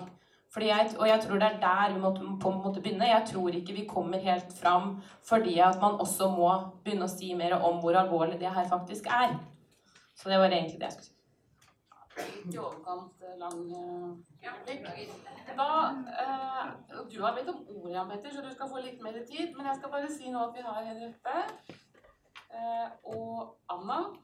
Men først etter Henriette så er det Stein Didrik. Så er det Anna. Og så skal vi snart begynne å tenke på å ta en pause, for eh, noen sikkert har putte ut hesten. Men, eh, så hvis dere har noe mer på hjertet nå, så må dere tegne dere mens Jan Petter snakker. Eh, jeg tenker eh, vi er nok alle enige om at eh, økonomi og mangel på ressurser er et stort problem, og at det beste, det beste hadde vært å øke bemanninga. Så tenker jeg Vi er jo kommunevalg. Eh, og da kanskje vi også bør diskutere nærmere bruk av kommunale midler. Eh, og jeg tenker Kommunen har gått med driftsoverskudd nå på nærmere 200 millioner de siste fire årene. Eh, og de har brukt og satt på forskjellige fond og sånn. Vi i Rødt mener jo at i hvert fall store deler av det heller burde bli satt i et driftsfond, slik at man ikke trenger å skjære budsjettene veldig inn og har redsel for å gå med underskudd. Eh, en annen eh, mulighet er jo også eventuelt betalende gjeld, slik at eh, rentebelastning ikke, ikke går så hardt utover driftsbudsjettene. Det tenker jeg det, det er jo to måter man kan frigjøre mer midler til det vi alle er enige om at vi trenger. Takk. Ja. Lover du å være kort? Det skal være veldig kort. Det er ikke lov å drive kommunen i minus. Du kan ikke drive, sette på et budsjett som går i minus og si at vi tar på fond. Så det er ikke lov. Saksopplysning. Ja, litt av spørsmålet om avvik i stad. Jeg jobber jo som sagt i skolen. Og vi hadde besøk av en eh, på skolen vår som eh, sa at eh, skolen i Sarpsborg melder altfor lite avvik. For vi prioriterer ikke å gjøre det. Vi har ikke tid til det heller. Og det er derfor vi i Senterpartiet går til eh, valg på et tillitsløft. Og det er noe med det at ungene står i fokus ute i skolen og ute i barnehagen. Det er ikke de og skrivinga og de skjemaene som er det viktigste. Det er ungene. Om de blir sett og anerkjent for dem de er. Og så henger jeg meg litt på den med psykisk sykdom, for jeg har jobba i psykiatrien også i åtte år. Så det er også et tema jeg brenner for. Eh, og vi i Senterpartiet vi er eh, veldig innstilt på at det skal være forebyggende tiltak eh, i både barnehage og skole istedenfor reparasjon i ettertid. For reparasjon blir ofte mye dyrere. Og da sparer du en del penger på det å ha inn sosiallærer inn på skolen, eller ha inn en helsesykepleier som er på skolen mer enn bare én dag i uka. For det må, må være til stede når barnet er sykt.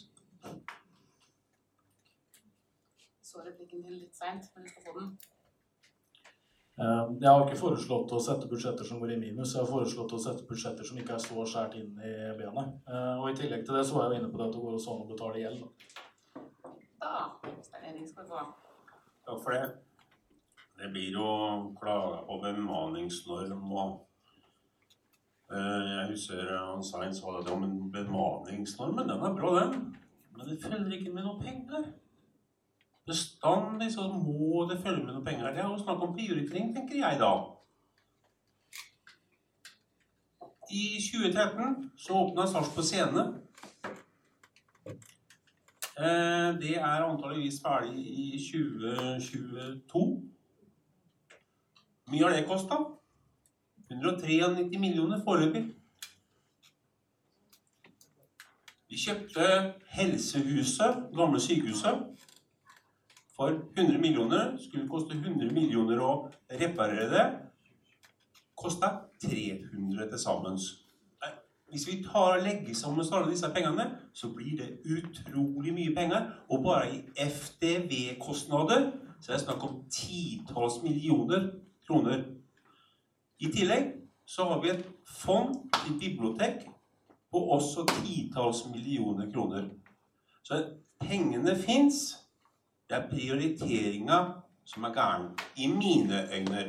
Og da tenker jeg at istedenfor å klage på regjeringa og kaste den og få noen som gir mer penger, så får de heller kaste de politikerne som styrer Sarpsborg, og så la noen andre få prøve seg. Men, men hold mikrofonen litt, for nå begynner det å bli litt interessant. For nå vil jeg vite, hvis du i morgen fikk bestemme Ditt parti hadde hatt flertall i bystyret i Sarpsborg. Og du skulle ha lytta til profesjonen her som sier at det er for store barnegrupper. Vi må ha flere pedagoger inn. Hvor skulle du ha tatt pengene fra? Nei, det hadde blitt vanskelig. Ja, men Ja, jo, jo, jo, jo, nei, men jeg- For det har noe å gjøre med hva skal vi stemme på. Men Hvem skal vi velge av dere? Det er riktig. Og det, men, men jeg har ikke noe svar på det nå. Det jeg vet, er at vi må prioritere annerledes. Og da må det gå utover andre. For vi har en del penger som vi får. Og fondet vårt, det som ikke er bestemt noe, det blir større og større. Så vi har penger. Men skjønner du at vi syns det er litt risikosport, vi som skal velge, når ikke vi vet hvor du skal ta det hjem? Skjønner du? Men, men, men, men det må jo kunne gå an at andre prøver seg. Det er jo ikke bare Frp som skal styre Sarpsborg kommune, for det hadde det blitt supert. Det lurer Ja. vi jo litt på, da. Men vi er jo flere partier, så ja. Det er det nok. Og det kan jo hende at du måtte ha samarbeida med Anna, f.eks. Men eh. Ja, nei, I KrF så er vi litt opptatt av at alle skal bli sett. Og det å ta lett på at det ikke er alvorlige ting som skjer i den norske skolen i dag, det, er, det syns jeg er tull å si. Um, er, du har mange typer barn i, i skolen. Ehm, du har såkalt vanlige barn, du har barn med forskjellige diagnoser. Du har en del barn som trenger tilrettelagt undervisning, og her mener jeg at det blir begått store feil, alvorlige feil i Sarpsborg. Eh, De blir ikke fulgt opp på en god nok måte. Vanlige barn de får en timeplan når de starter på skolen. De har en fagplan. Vi har barn eh, med spesielle behov i Sarpsborg som kanskje får timeplanen sin til påske. Eh, som, eh, som får kun assistenter, eh, der de skulle hatt pedagoger. Det er veldig mye grums som foregår. Eh, og det er selvfølgelig for at ikke det er nok ressurser, men dette her må vi ta alvorlig. Vi skal snakke mer om skole etterpå. Og også spesialundervisning. Vi har eh, Guri til slutt, før vi skal ta oss en pause. Ja, nå var det spesialundervisning jeg ville si noe om. Så Var det vel lov til det. Skal hun få lov? Ja, kom igjen, da. Ja, for, fordi at vi vet, erfaringstallet sier det, at når man får inn den tidlige innsatsen, når man har små grupper, når man støtter opp barna, så blir det etter hvert mindre behov for spesped. Men rekkefølgen må være riktig. Vi kan ikke først ta fra spespeden og så håpe at det går bra gjennom å styrke det vanlige.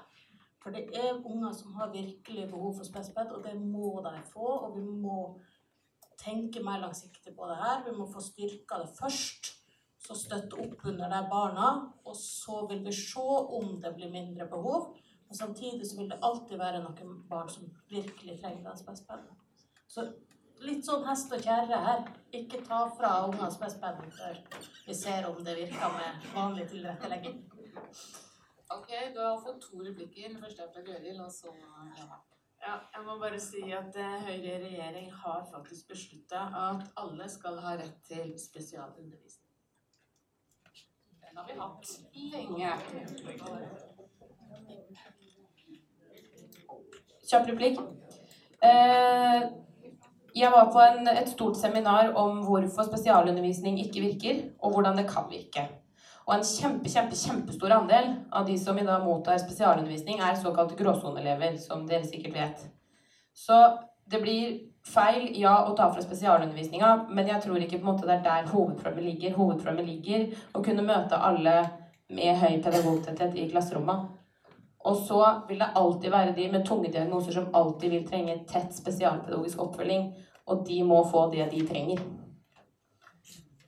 Da skal du ordet nå, da.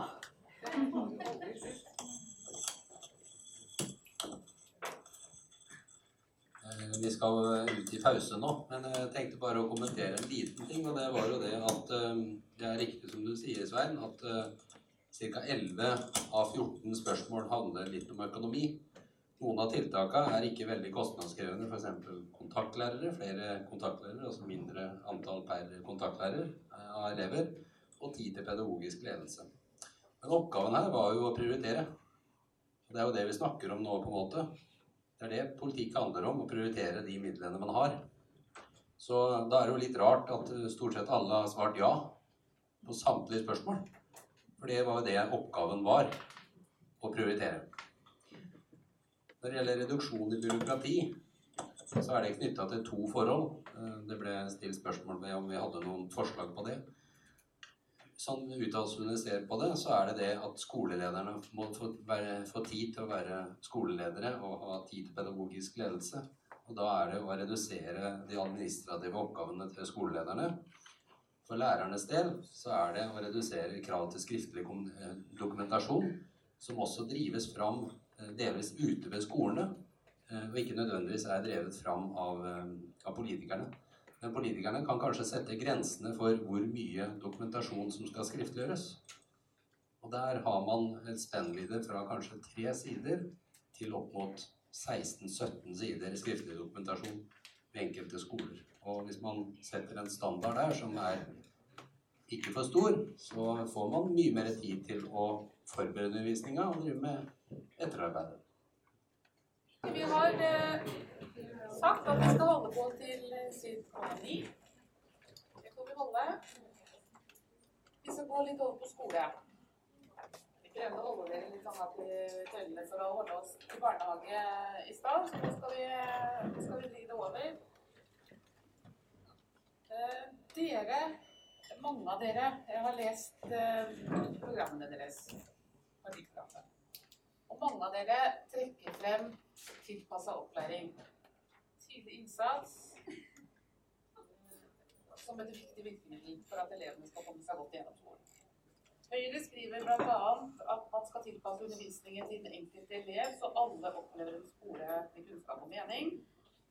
Venstre vil gi lærerne større fleksibilitet for å kunne gi tilpassa opplæring til den enkelte elev. Rødt sier bl.a. at det skal være maks 20 elever i klassen på barnetrinnet, 24 på ungdomstrinnet, to pedagoger i hver klasse, flere yrkesgrupper inn i skolen. Og Arbeiderpartiet sier også tidlig innsats er viktig, og man må sette inn ressurser når det oppstår utfordringer. På vei eh, til jobb i dag så har jeg god tid på bussen til å lese diverse leserinnlegg, og da fant jeg noe på NRK Ytring som heter 'To kroner her, ei framtid der'. Og det er en lærer som har skrevet, og han skriver blant annet Jeg står midt i klasserommet. Tre elever har ikke skjønt oppgaven. To andre er allerede ferdig og vil ha mer å gjøre. Minst to PC-er fungerer ikke som de skal, og fem andre elever lurer på noe. Samtidig går det opp for meg at jeg mangler en elev.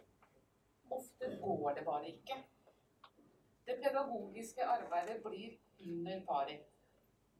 Elever som trenger hjelp, eller bare noen som ser dem, risikerer å bli vifta bort. Så kan læreplanen si hva den vil om virkeligheten og viktigheten av å se hver elev og tilpasse opplæring. Dere vil det beste for skolen. Dere vil det beste for elevene. Dere vil at de skal lykkes. Helt overbevist om. Dere snakker om tidlig innsats, snakker om tilpassa opplæring. Men så har vi altså situasjonen der vi står alene med 25, med 30 enkeltbarn. Den ene er her, og den andre er der.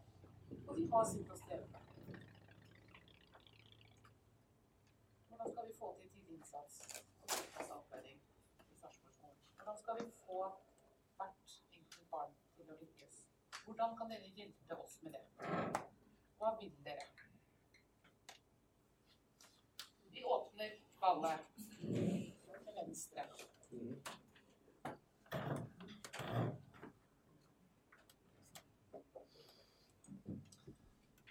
Ja, Som nevnt så står det i partiprogrammet vårt at vi eh, vil gi større fleksibilitet til hver enkelt lærer. Da trengs det selvfølgelig noen eh, midler.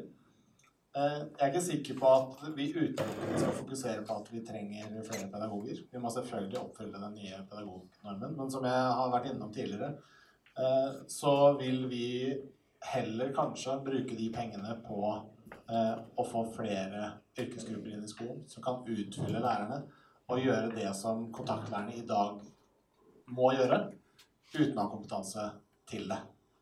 Så vi ønsker å få tilført mer kompetanse på de arenaene der lærerne faktisk ikke har den kompetansen. Altså f.eks. å få inn um, um, Hva står det i et, et stille? Miljø, miljøarbeidere, f.eks. har jeg hatt god opplevelse med. En uh, miljøarbeider som var uh, utdanna hjelpepleier. Uh, som så og oppdaga ting som vi ikke hadde sjanse til å oppdage fordi vi var så opptatt med å haste fra sted til sted og rekke undervisninga og forberede undervisning og snakke om elever og ta tak i problemene. Mens hun hadde mulighet og tid til å gå rundt i skolegården. Hun fikk øye på de elevene som kanskje Kanskje det var noen som himla med øya. Kanskje det var noen som hadde vært sammen med noen andre jenter hele uka, men som plutselig sto alene. Eh, kanskje det var eh, elever som klarte å stikke seg bort, mens resten av klassen egentlig skulle gjøre noe annet. Så jeg har veldig tro på å tilføre mer kompetanse inn i skolen. Og ikke nødvendigvis da bare høyere lærertetthet, men å få inn flere yrkesgrupper. Men Eivind, det er sånn at på noen skoler så får elevene maks én blyant i halvåret fordi at ressursene er for dårlige. Hvordan skal vi få penger til å ansette flere miljøarbeidere eller miljøterapeuter i skolen? Som vi, som vi har vært innom eh, mange ganger, så må de pengene tas fra et sted. Eh, Det virker på Arbeiderpartiet og SV og Rødt som om det er penger til skolemat, som jeg nevnte. Eh, Det er jo et sted å begynne. Jeg tenker jo at det er helt unødvendig at vi skal starte et byråkrati for å få skolemat. Jeg har jobba på to skoler, som jeg har sagt. På begge skolene så løser vi det problemet lokalt, over skolens budsjett. Kanskje en eh, tilskuddsordning med søknad hadde vært veien å gå. Eh, Jeg tror i hvert fall ikke eh, Jeg tenker at det er i hvert fall ti ting som er over skolemat til alle elever på min prioriteringsliste, hvis vi først skal bruke penger. Så er vi det eneste partiet, tror jeg, etter det jeg har hørt, som ikke bare nevner de positive sidene ved grendeskolene. Jeg er ikke imot grendeskoler, men eh, jeg tenker det er verdt å nevne at det ikke bare er eh, positive sider. Eh, Jeg kjenner selv en som har jobba som spesped-koordinator på en grendeskole, ikke i Sarpsborg. Og han holdt et år. For opplevelsen hans var at alle kjente alle. Rektor la føringen på hvem som skulle ha spesialundervisning, hvem som ikke trengte spesialundervisning. Det er, eh, For de som har det bra på grendeskoler, så tror jeg det er helt supert. Det er helt supert for, for foreldra. Så kan det være problematiske ting, som f.eks. små fagmiljøer og eh, små miljøer. Hvis du får en mobbesak på en grendeskole f.eks., så er det kanskje vanskeligere å løse enn på en større skole. Men vi, går ikke inn på eh, grendeskoledebatten, men vi skjønner at Venstre vil eventuelt ta penger fra og ikke opprettholde de små grendeskolene. For eksempel. Hvis vi kommer inn med ett mandat, så, så er jeg ikke sikker på at eh, vi alene eh, legger ned grendeskolene. Det tror ikke jeg heller, men du skal få prioritere, og det var et av dine forslag. Helene. Jeg tror at det handler om veldig mye mer enn hvor mange lærere som er inne i klasserommet. Og så er vi alle her Jeg tror ingen her er uenige om at vi gjerne skulle hatt flere lærere inne i klasserommet. Samtidig eh, så er Jeg var inne på det litt helt innledningsvis i stad, hvorfor jeg mener at De grønnes politikk er den beste på oppvekstpolitikk. Eh, og en av grunnene til det er det helhetlige synet på barnet, og på hvordan skolen er på feil utvikling i dag. I forhold til fryktelig mye faktabasert læring, veldig mye fokus på teori, veldig stort press på musikkfag, på fysiske fag, på praktisk og estetiske fag. Og jeg tror det her gjør noe med veldig mange. Uh, og jeg tror det gjør noe med helheten av pedagogik pedagogikken og det presset lærere står overfor. At de skal lære det, vi skal måle det, vi skal ha nasjonale prøver, skal, vi skal ha den beste elevene i verden. Er liksom, vi har sånne ambisjoner som, hvor vi mister den delen av Kunnskapsløftet som handler om sosial kompetanse, og som handler om det å bli gode mennesker, og hvordan man skal kunne fungere i et samfunn, og hvordan man skal jobbe for å motvirke utenforskap. Så jeg tenker at vi kan ikke bare se på den ja, vi skulle hatt mer ressurser. Jeg tenker vi må også se på innholdet, som i veldig stor grad kommunene kan legge føringer for, selv om vi skal fokusere på læreplan. fordi alt det her står i læreplan. Det er bare at vi har valgt, eller Stortinget har valgt, at dette skal vi fokusere på. Som er så lite av hva barna våre trenger. Men, men dere har i programmet at dere vil at de praktiske og estetiske fagene skal få større fokus. Ja. Eller skal de få flere timer? Og hva skal dere eventuelt da ta bort hvis dere skal omdisponere? Jeg tenker ikke at vi For det første så er ikke det her noe vi skal sitte og bestemme over lærerne og hvordan det skal gjøres. Men vi tenker at fag i forhold til dybdelære, f.eks.. Og i forhold til når man skal lære om enkelte temaer i læreplan, så trenger man ikke nødvendigvis gjøre det bare ved å stå og skrive på en tavle, men det er mye man kan mate inn i de andre fagene uten at man skal ta fra det for å sette inn der. F.eks. natursti. Eller f.eks. det å eh, skolehager. Det er veldig mye læring i det at en skole har en skolehage. Eh, både i det er matte, det er norsk, du opplever en annen form for mestring, du får en forståelse av naturen, det er naturfag, det er samfunnsfag, det er du må samarbeide. Det er liksom så Vi må begynne å tenke utafor boksen når vi skal klare å håndtere så store elevgrupper. Så en mer praktisk tilnærming er det dere vil ha? Ja. Du fikk en kommentar. Jeg er selvfølgelig helt enig i at eh, norsk skole trenger en endring. Men det er dessverre ikke sånn på kommuneplan at vi kan begynne å skrive om eh, læreplanene. Eh, så det, det ligger jo i bånn der uansett. Eh, og vi har læreplaner vi må gjennom som lærere. Og de er såpass omfattende at hvis vi, hvis vi skal begynne med dybdelæring uten å ta vekk noe annet, så rekker vi rett og slett ikke gjennom. Svar på replikk. henter. ja det blir kjapt, det. Da kan jeg si ett eksempel. Eh, selv om jeg er veldig for eh, kommunale skoler. Steinerskolen følger læreplan. De har mye mer praktisk inn i skolen, og de får det til. Det var vel en voldsom påstand. Eh, Svein, du blir utfordra på at hvis du har penger til skolemat, så må du jo klare å finne penger til å få flere yrkesgrupper inn i skolen, eller høyere lærertetthet. Ja, det var noe med matematikken her. Vi har eh, satt av én million eh, i året til eh, å stimulere tiltak som allerede er ute på de enkelte skolene. Og det er jo de tiltakene fordi at både ledelse og lærere ser at det skaper mye mer ro hvis barn er mette. Sultne barn bråker. Det gjør dem hjemme, og det gjør eh, gjør dem på skolen. Så Den ene millionen som vi har satt av, det er én lærer, tenker jeg. Så den eh, redder vel eh, neppe det andre. Når vi i hvert fall er veldig tydelige på at vi tror på at, eh, at eh, mette barn eh, lærer bedre. Og det er eh, særlig de med størst utfordringer, som eh, også har utfordringer i forhold til det med å spise mat. Så det står jeg veldig godt i, at vi foreslår å bruke, bruke den ene millionen. Eh, og så har jeg litt lyst til å Selv om det blir, det blir jo veldig sånn negativ fokus og hvordan kan vi gjøre ting bedre og sånn. altså eh, Dere som jobber i skolen, gjør jo eh, i dag en eh, veldig god jobb. da. Eh, skoleresultatene er på vei eh, rett vei. Niendeklassingene nå er på Østfold-gjennomsnittet i alle fag på nasjonale prøver. Det er kjempebra. Og det er jo fordi vi har hatt en eh, langvarig eh, strategisk jobbing eh, sammen med dere lærere. Så jeg er overhodet ikke enig med Venstre at vi trenger en kjempeomveltning i den skolen som dere, som dere driver i dag. Litt justeringer sammen skal vi nok gjøre. Jeg har tro på, som jeg sa i stad, diverse etterutdanningstilbud. F.eks. det som som den jobben som blir gjort rundt eh, vurdering for læring eller eh, klasseledelse, eh, er prosjekter som jeg har eh, stor tro på, som vi kan jobbe sammen om. Og så ønsker jeg meg mer penger.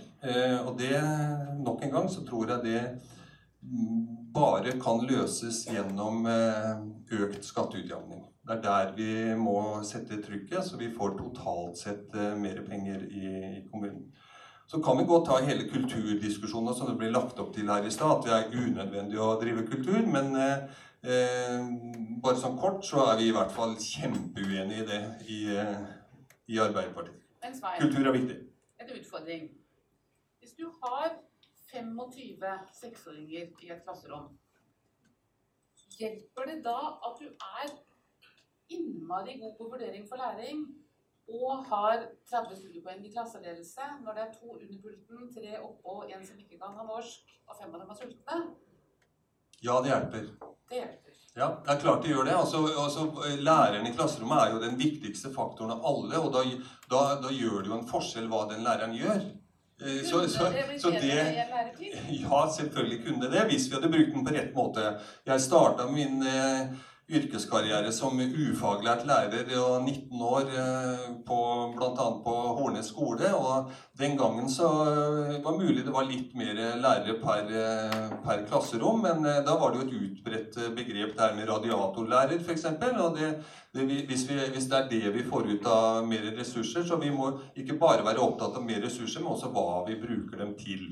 Så det, det må vi gjerne gjøre. Jeg tror på flere lærere, men jeg tror aller mest på hva den enkelte lærer gjør i klasserommet, at det spiller en uh, rolle. Og der gjør vi faktisk en uh, kjempejobb i, i, dag. Det skal dere ha. Yep.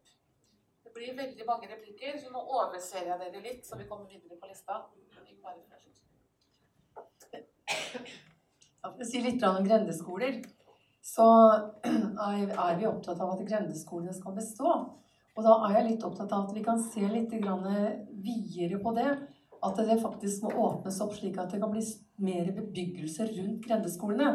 Og da blir det større grendeskoler også. Og det er ikke små de som, grendeskolene som er igjen nå. Så det er viktig at vi, vi beholder dem. Så i PDK så vil vi også prioritere annerledes enn det med skolemat.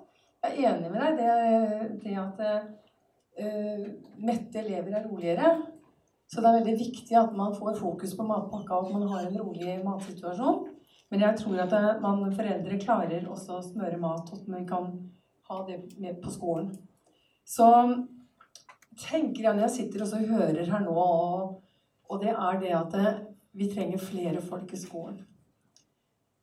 Eh, jeg vet at det har vært snakk om det med besteforeldre i skolen. Tenk på småskolen bestemødre og bestefedre Foreldre, slik at noen kunne være med i småskolen i sjette og sjuende. Det er vel ikke lov. Så det må vi kanskje se bort ifra. Hva, hva er det du mener nå? Nå har ja. eh, lærere som eh, Jeg kan ta meg selv som eksempel. Jeg er eh, utdanna ammelærer. Men jeg har eh, om noen år, hvis jeg ikke setter meg på skolebenken og tar en videreutdanning, så mister jeg retten til å undervise noen fag. Så kommer du og sier at vi skal sette besteforeldre inn. Jeg tenker at nå har vi en så stor andel av eh, eldre som blir pensjonister. Og jeg tror at mange av dem også har god utdannelse. Men hva skal de gjøre i skolen? Jeg tenker at man, rett og slett at det er voksne til stede. Som kan være med og snakke med unger, være med og bidra til å holde det mer ro. Men det er en tanke jeg har. Jeg skal ikke si at det kan gå, men i hvert fall så ønsker jeg det. Og jeg har sjøl vært ufaglært lærer i seks år. Og det jeg opplevde, var det at eh, vi hadde en rektor som maste på meg at jeg skulle gå på lærerskolen. Og jeg så på det at lærerne de hadde så mange oppgaver. De måtte sette seg det med så mye papirarbeid, og så måtte man møter, og så var det møte med lærerværelse, og så var det det ene med det andre. Mens jeg hadde tid til å være sammen med elevene. Og det syns jeg var en sånn ressurs. Så tenkte jeg hvorfor skal jeg gå på lærerskolen for å så begynne å gjøre alle de oppgavene som jeg i hvert fall ikke har lyst til.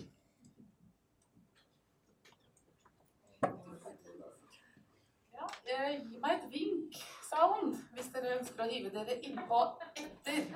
Ja, Petter, jeg ser at dere har å vinke. Eh, Jeg tenker ehm, litt eh, Ja, det er jo litt basert på tilbakemeldinger vi har fått. da. Ehm, Det er at det er ganske ulik praksis eh, fra skole til skole.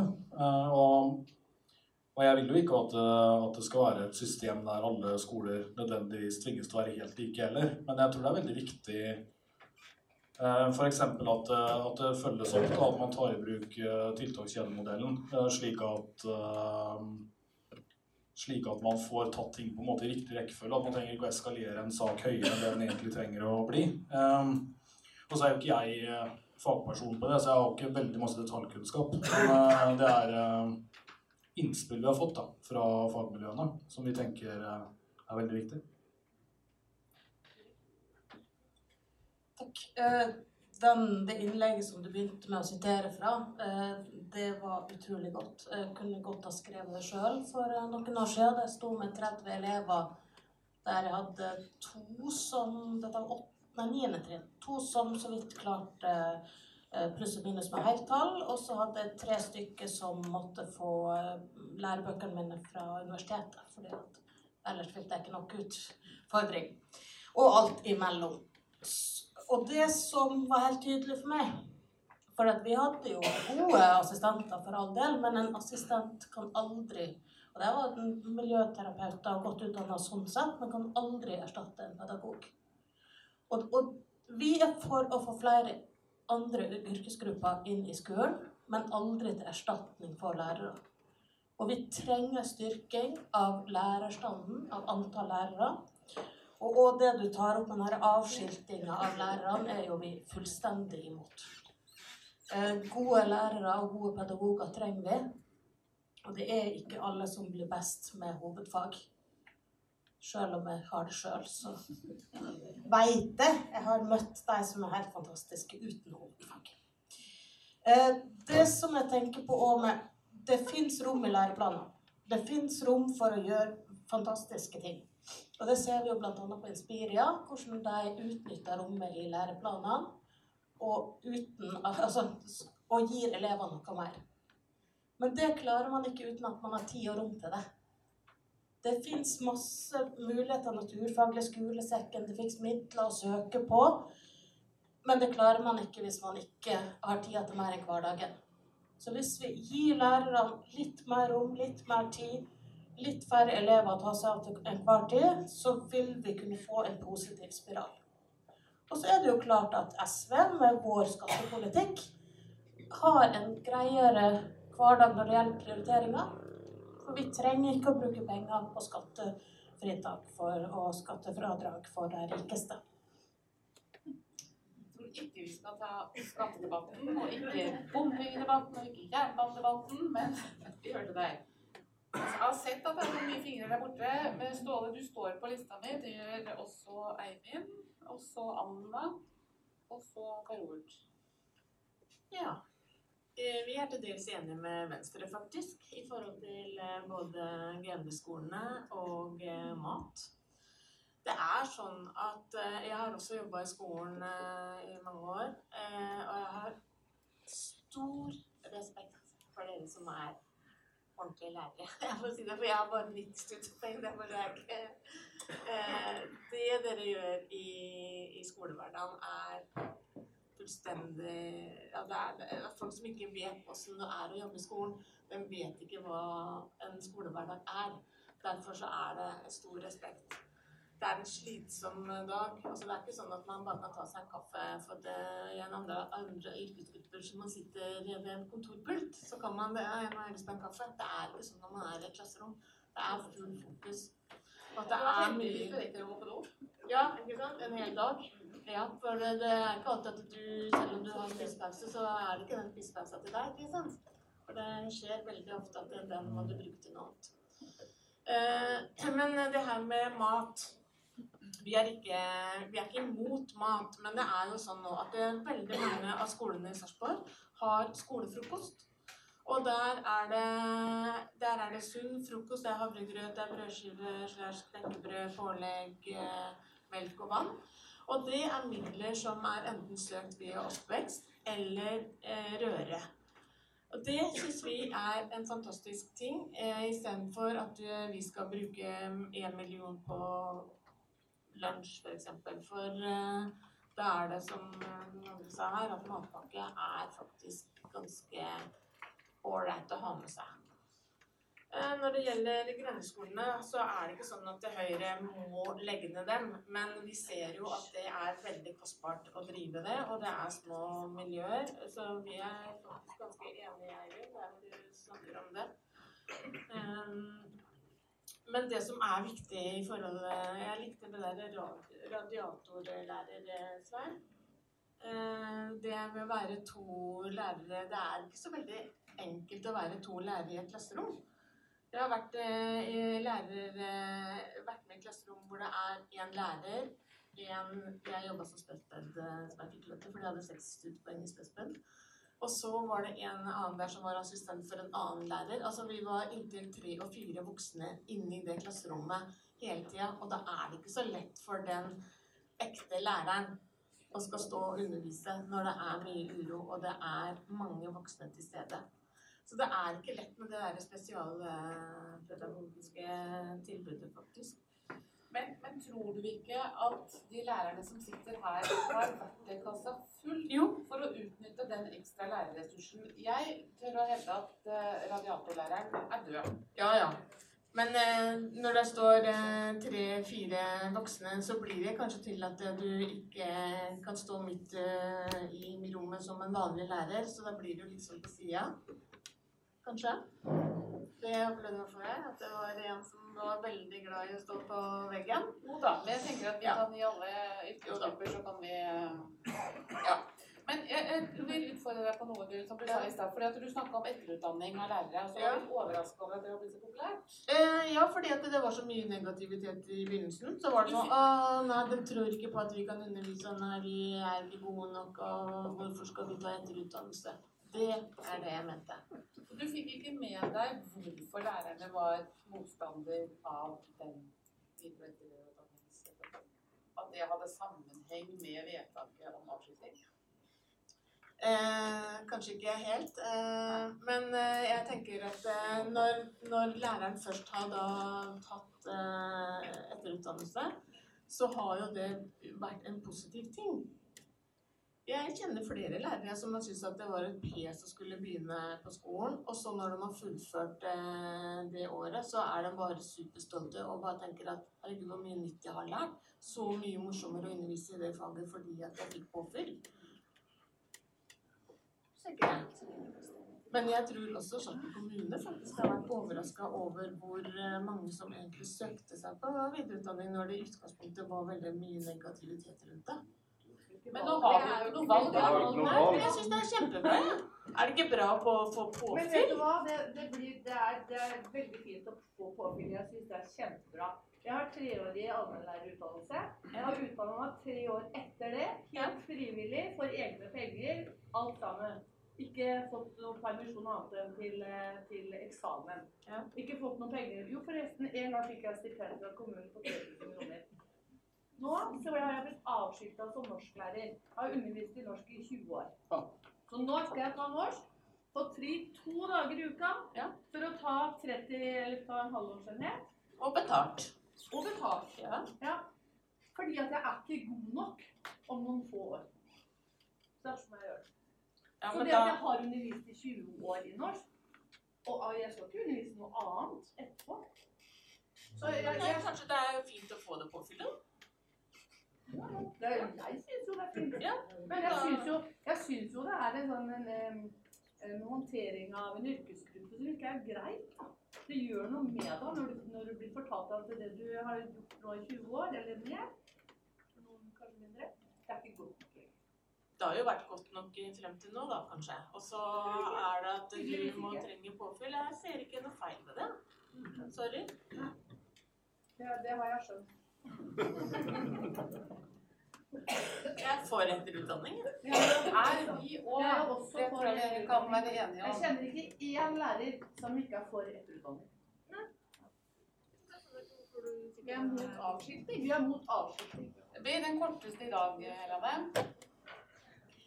Det er ingen som er for, mot etterutdanning, men det er når det blir påtvingt. På den tiden her det kom, så jobba jeg på Regnbuen. Der er vi på et sånt nivå at alle der som skulle ta etterutdanning, det var rett og slett bortkasta av penger. Det de sa, er jeg trenger relasjonskompetanse, jeg trenger sosial kompetanse, jeg trenger ADL, jeg trenger alt annet utenom de fagene der som jeg aldri kommer til å bruke. Og det gjelder alle forsterka avdelinger i hele Norge.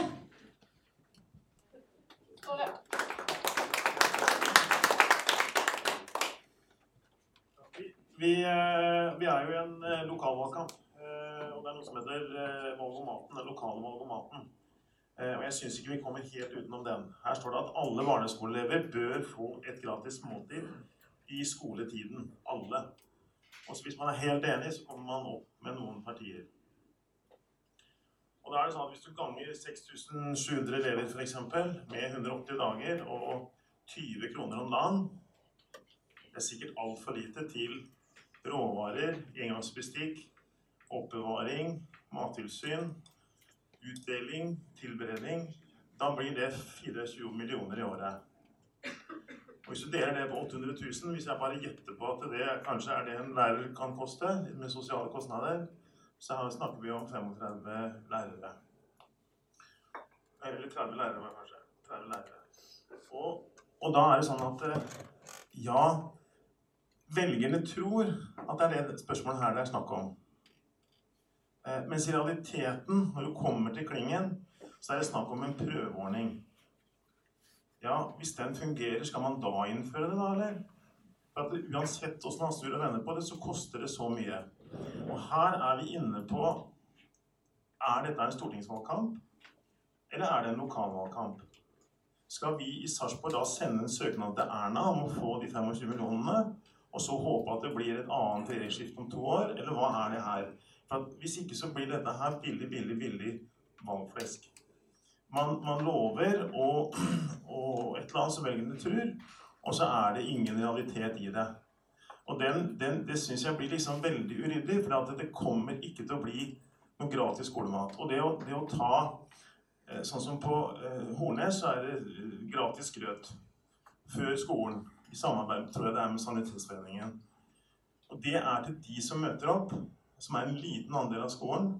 Kanskje de som trenger det. Og det håper jeg at alle skoler har eh, litt knekkerøp og litt, litt ost og, og liksom kan dekke opp over en del sånne ting. Men det er noe helt annet å skulle servere til alle elever hver dag eh, ut fra allergier og hva man liker og ikke liker, og hva man tåler og ikke tåler, og, og alt dette her sånn.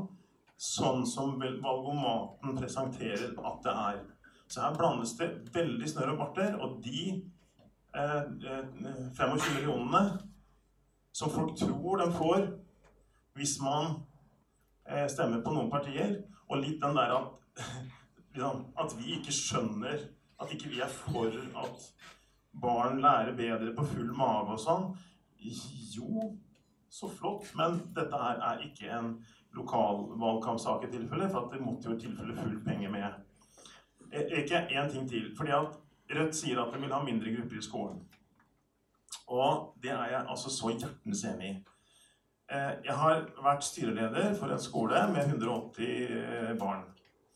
Eh, Og da er det sånn at alle miljøer kan ha gode perioder, dårlige perioder, gode år. Ikke sant? Men vi hadde, har i hvert fall hatt ganske mange år med veldig mange gode perioder. Eh, veldig gode skoleresultater eh, som blir lagt veldig merke til i den fylkeskommunen hvor den skolen ligger. Og vi har på en måte ikke altså vi kan, vi kan erfare at vi ligger på landsgjennomsnittet i femte og landsbest i niende på den samme klassen. Og vi har ingen veldig annen forklaring enn at vi har sagt det er maks 18 i klassen. Det tror vi er den viktigste forklaringen. Alle blir sett. Eh, Men hvordan får vi til det, da? For da er dette en skole som er i Altså, jeg liker ikke privat, men altså, det heter eh, eh, eh, Nå leter jeg etter ordet. Friskole. Så, så, så det, er en, det er en Så lærerne har følger tariffen og får 90% av den. Eh, og Det tror jeg ikke Utdanningsforbundet hadde gått med på, men det er sånn vi har gjort det der. Eh, og, og det er det annet som muliggjør og, og så får de lærerne det valget at de føler de lykkes, og de har mer ressurser til ting etterpå. Så forstår jeg at det her er ikke bare å kopiere over. Det er aldeles ikke bare å kopiere over. Fordi at vi er nødt for å ha full lønn til lærerne i Sarpsborgskolen, ingen misforstår det. Eh, og da, da er det tilbake igjen egentlig, hvor jeg er veldig enig med eh, Svein Larsen Arbeiderpartiet på den økonomiske virkelighetsbeskrivelsen. Vi møter en ramme som er fryktelig vanskelig å forholde seg til. Så det eneste vi kan love, er at vi, vi, vi, vi vil etter valget, både i forhold til barnehage, skrive stort barnehage. Vi er nødt for, om vi skulle ha en posisjon, å sette oss ned med barnehagelærerne, med eh, personer som forteller virkeligheten. For jeg er også egentlig veldig frustrert over at eh, de historiene jeg leser i avisa, og de historiene jeg får her f.eks., stemmer ikke overens med det glansbildet som vi får når vi skal ta avgjørelser. Så vi får på en måte et bilde av at alt, eller veldig, veldig mye mer er mye bedre, da, er, er mitt inntrykk. Og der er jeg enig med KrF i at vi må ha synliggjøring av virkeligheten sånn som den er. Og så må vi sammen se hva som er mulighetsrommet, hva vi sammen kan gjøre. Så vi må eh, bare love at vi alle skal bidra til å gjøre det beste. Høres bra ut. En replikk fra Guri. Var det innlegg en replikk, Svein? Ja. Det- er litt interessant å høre at de to partiene som bruker å snakke mest om at vi skal få ned byråkratiet, er de som snakker varmest om at um, det- det finnes skoler som har frokost, som har ulike typer mat i dag. Det er veldig lurt å gjøre sånn via søknad. Eh, de byråkratene som behandler de søknadene, vil vi gjerne bruke til andre ting. Eh, og vi mener at ser vi på de midlene som brukes til mat i dag, ser vi på de midlene som brukes til søknadsbehandling, og ser vi på de midlene som finnes rundt omkring, i tillegg til at vi må se på hva er de beste løsningene, mest effektive løsningene, og hva er realistisk som første steg. Må du vente lenge, da? Hæ? Altså, Eh, Aller først, bare før jeg starter, så har jeg lyst til å spørre Svein Larsen hvis jeg får lov til det, for han sitter her med fasit. For dere har brukt en million, en million kroner på skolemat. Hvor mange skoler klarte dere å mette med den ene millionen?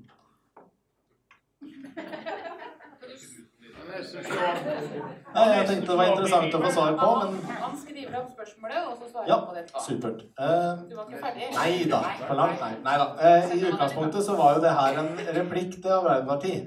Eh, og jeg tenker jo det at eh, Jeg registrerer jo at eh, kompetanseheving blant lærere igjen blir dratt fram som løsningen på problemet. Eh, jeg har ingen tro på at eh, det er der skoen trykker eh, i Sarpsborg-skolene. Eh, Det sitter masse lærere her, og det fins masse lærere i Sarpsborg som gjør fantastiske ting for elevene sine. Men eh, i fare for å gjenta meg sjøl, så, så er det ikke Mitt inntrykk er ikke at det er der skoen trykker. Hvis alle eh, Sarpsborg-lærerne kunne ha et hovedfokus på det de kan, altså å eh, drive utdanning og planlegge timer, og selvfølgelig ha elevkontakt, men men slippe unna eh, veldig mye av eh, det arbeidet med eh, psykisk helse og andre ting, så er jeg ganske sikker på at tilbudet hadde blitt bedre til de elevene som er der. Eh, jeg er sikker på at de aller fleste lærerne i Sarpsborg kan klasseromsledelse. vi kan vurdering for læring eh, nå. Det, det, begynner vi å, å, bli ganske gode på, syns jeg. Eh, så, så, jeg tenker ikke og Bare for å sette det her litt i perspektiv for Det er mye snakk om også at ja, vi som politikere vet ikke hvordan det står til, osv. Eh, nå jeg, har jeg jobba i skolen, så jeg har jo sett en del av det. Men, men det går an å gå inn. Eh, jeg refererte eh, jeg refererte tidligere i dag eh, til noen eh, tall som, jeg, som er i eh, mener etter kommuneundersøkelsen i regi av Unicef. Der er det også en, det en rangering av tilbud i 345 kommuner i Norge. Skal vi se om jeg finner riktig ark. Eh, vi skårer altså da 46. dårligst i Norge eh, på grunnskole. Vi er altså da rangert eh, nummer 299 av 345 kommuner på grunnskoletilbud. Så det er jo bedre enn barnehagen, så det er jo bra. nasjonale prøver har jeg, ikke, har jeg tall på, men dem er jeg ikke så veldig glad i å sidere fra. For jeg mener ikke at de gir et veldig godt inntrykk av hvordan det egentlig står til. Eh, men hvis vi ser på grunnskolepoeng, eh, så får man et inntrykk. Og der ligger vi 2,4 poeng bak landsgjennomsnittet. Fredrikstad er vi glad i å sammenligne oss med. Der vi ligger 2,2 grunnskolepoeng bak eh, Fredrikstad. Så det, så det, er litt å jobbe med. Men jeg tenker ikke at det er kompetansen til lærerne som er problemet her. Her må vi tenke nytt, og vi må følge opp annen problematikk enn det som har direkte med læring å gjøre. For der tror jeg vi er gode. I hvert fall det jeg har sett. ja, det begynner å bli lenge siden, da, men eh, det handla om grendeskolene. Eh, for da ble det tegna et litt negativt eh, bilde. Ja, det er positive sider, og det er det jo både med store og små skoler. ikke sant? For det å gå på en liten skole, det kan også oppleves veldig trygt. Og det er gjennomsiktig, så det er lett å oppdage problemer som måtte oppstå. Og når det gjelder litt lenger til Nå har forsvunnet ut. Jeg er jo veldig for å få flere fagfolk inn i skolen eh, når det var snakk om å få besteforeldre inn. eh, og det mener jeg det, er et stort savn i skolen i dag. Um, og du nevnte også noe om at det var vanskelig å få SPESPED til å jobbe på en liten skole, eller fagfolk. Den har jeg også hørt før. Nå vet jeg at det er flere lærere som søker seg til små grendeskoler også. Men eh, hva slags forhold er det den spespeden da jobber innunder? Hvor mange barn skal han ha ansvaret, eller ansvaret for? Eh, får man tilbud om fast ansettelse, eller er det vikariat? Altså jeg, jeg, ser det at eh, en spesped har ansvar for altfor mange barn i skolen i dag. Så de får jo ikke gjort en, en god nok jobb. Så jeg skjønner jo at det er utfordringer. skal vi gjøre det sånn at Henriette skal ordet, og Svein skal ordet, og så skal dere få ordet etterpå. Vi skal være i mål til klokka ni, eh, og her er det mange taletrengte. Hvis dere skal få svart på litt mer ting om skole, så må dere være litt uh, mer si, Litt raskere, litt mer konkret i svarene deres. Ja, jeg skal ta et eksempel fra min skole. Eh, der er det en eh, som har jobba som mattelærer i 25 år. Og var veldig godt likt av elevene sine. Hun fikk dem veldig engasjert, var flink til å drive med fysisk aktivitet med dem. Og de lærte veldig mye. Og de fikk bra score på alle tester. Eh, hun ble avskilta. Veldig trist. Hun måtte jo da ta videreutdanning. Hun følte at hun ikke hadde bruk for det i det hele tatt, akkurat den for hun var en fattelig god mattelærer, og det så jo alle i skolen. Så det blir helt feil, da, tenker jeg. Da er det viktig å det. At uh, avskilte de som er veldig full av kompetanse, som faktisk uh, kan det de jobber med. Hender vel ikke at det kommer en ufaglært lærer inn til dere og underviser? For det er jo Nei, det er ikke sant. Det er allmennlærere som har blitt avskilta fordi de uh, ikke er gode nok lenger. Ja. ja. Og så jeg òg. Jeg tok jo PPU, praktisk pedagogisk utdannelse. Og det var jo meninga fra åttende oppover, egentlig. Men jeg ville jobbe i barneskolen.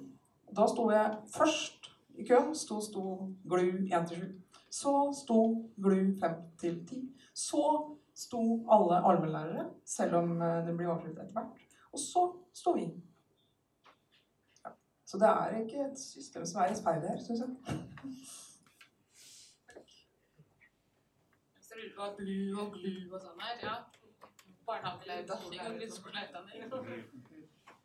Svein, og så er det salen. Ja, da skal jeg prøve å være kort i forhold til det. Men jeg må jo kommentere når eh, sidemannen her har gjort et eh, vanvittig regnestykke på eh, hva det skal koste å få servert litt enkel, sunn norsk kost på, på skolen, så må jeg jo si at det, Eh, for det første, eh, Arbeiderpartiet har aldri sagt at det er lærerne som skal gjøre det her. Eh, her har vi mange gode eksempler på, på hvordan, hvordan ting kan gjøres rundt omkring. Når vi har satt av en million her lokalt i Sarpsborg, så er det for å stimulere de tiltakene som allerede er der. For vi ser det kommer jo unna til, Det kommer jo fra skolene. Og det er klart at det er jo fordi at skolene ser at det, det her er det noe vi mangler. Eh, og det er det vi ønsker å, å stimulere i første omgang. Og så har jo Arbeiderpartiet sentralt sagt at en eh, på mer generelt grunnlag vil gå inn for en skolematordning, som vi da selvfølgelig må utrede. Men hvis han er ferdig utreda allerede fra sidemannen her, så, så kan du bare sende inn det. Men jeg tror ikke det blir helt sånn som det, da. Eh, og så vil jeg understreke nok en gang at eh, jeg har tro på en evig lang skoleutvikling. Selv om eh, Venstre nå tydeligvis mener at vi er ferdig utvikla, så tror jeg at det er noen tanker som ikke er, eh, tanker som ikke er tenkt ennå.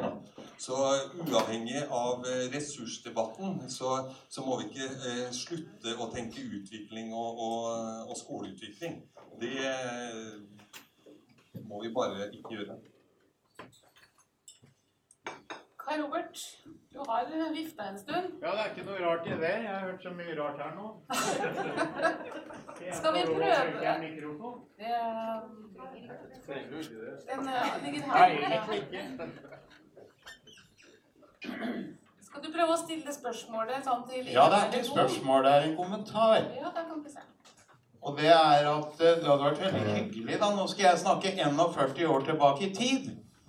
Og hvis noen tror at den politiske ledelsen i Sarpsborg de siste 41 åra har levert en dårlig skole, så er det helt feil. Det er helt feil, og jeg snakker av erfaring. Det er veldig, veldig, veldig, veldig mye bra i Sarpsborg-skolen. Og jeg skulle gjerne hatt noen bestemødre jeg og noen bestefedre med på laget. Nå jobber jeg som atferdspedagog i barneskolen i Varteig. Men jeg håper ikke at det kommer fire bestemødre, og så er lærerkollegaen min vekk dagen etter. Så det må ikke være istedenfor. Det har skjedd noe veldig rart med læreryrket i løpet av de 41 åra. For når jeg begynte å jobbe som lærer, da var vi en respektert eh, yrkesgruppe i eh, samfunnet. I dag blir vi snakka ned, snakka ned, snakka ned. Vi bruker ofte uttrykket 'han eller hun er bare en lærer'. Legg merke til det. Han eller hun er ikke lege eller advokat eller sykepleier eller ingeniør, for han kom ikke inn på de studiene. Så han måtte bare begynne på lærerskolen, han stakkar, og bli lærer. Det er snakka ned, snakka ned, snakka ned. Og så hoppa jeg i stolen der borte. Der representanten fra Miljøpartiet De Grønne sa at eh, Lykken er Steinerskolen. Feil, feil, feil. Lykken er ikke Steinerskolen. Så Det var nesten like lang innledning som kollegaen din i Safosa pleier å ha, Steinar Håkenstad. For nå kommer jeg til saken. Det er så få av dere som snakker om den psykiske helsen til elevene. Og heldigvis skal vi fra august måned neste år begynne å jobbe etter en ny plan hvor den psykiske helsen og livsmestring er hovedsatsing i skolen. Det er elever i Sarpsborg som har ligget hjemme i senga si i tre-fire år sammenhengende uten å være på skolen. Jeg gjentar tre-fire år sammenhengende uten å ha vært én dag på skolen. 22% av tenåringsjenter Jeg skal bare ha ordet én gang i dag. 22% av tenåringsjenter går på antidepressive midler permanent. 13-14-15 års gamle jenter. Det er et høyt tall som stiger. Psykiske problemer stiger. Men så kan jeg snakke litt om nåværende erfaring, da. Dere snakker om helsesøster, som nå vel også har fått en ny tittel. Er det skolesykepleier eller skolehelsesøstersykepleier, eller hva det er? Men Helsesykepleierskole, ja. Hun er i hvert fall hos oss på Vartei skole fire dager i uka. Og jeg som atferdspedagog har et knakende godt samarbeid. Og så til maten, da, dere. Det virker som liksom bare skal åpne munnen og så liksom bli mette. Tenk dere all den sosial kompetansetreninga det er rundt et godt måltid mat. Med elevene så setter vi av god tid oppe i Vartei, og vi koser oss med maten og de midlene som Svei refererer til. Vi har fått en fin utegrill. Et fint sånn sosialt sted hvor vi kan sitte og kose oss i ro og mak. Og skal du finne ut nøyaktig, Svein, det du ble utfordra på, på hvor mange du metta på en million, må du nesten slå opp i Bibelen, tenker jeg, for å finne det svaret nøyaktig. Men lov at dere har fokus på psykisk helse, sånn at læreren igjen kan få lov til å bli lærer.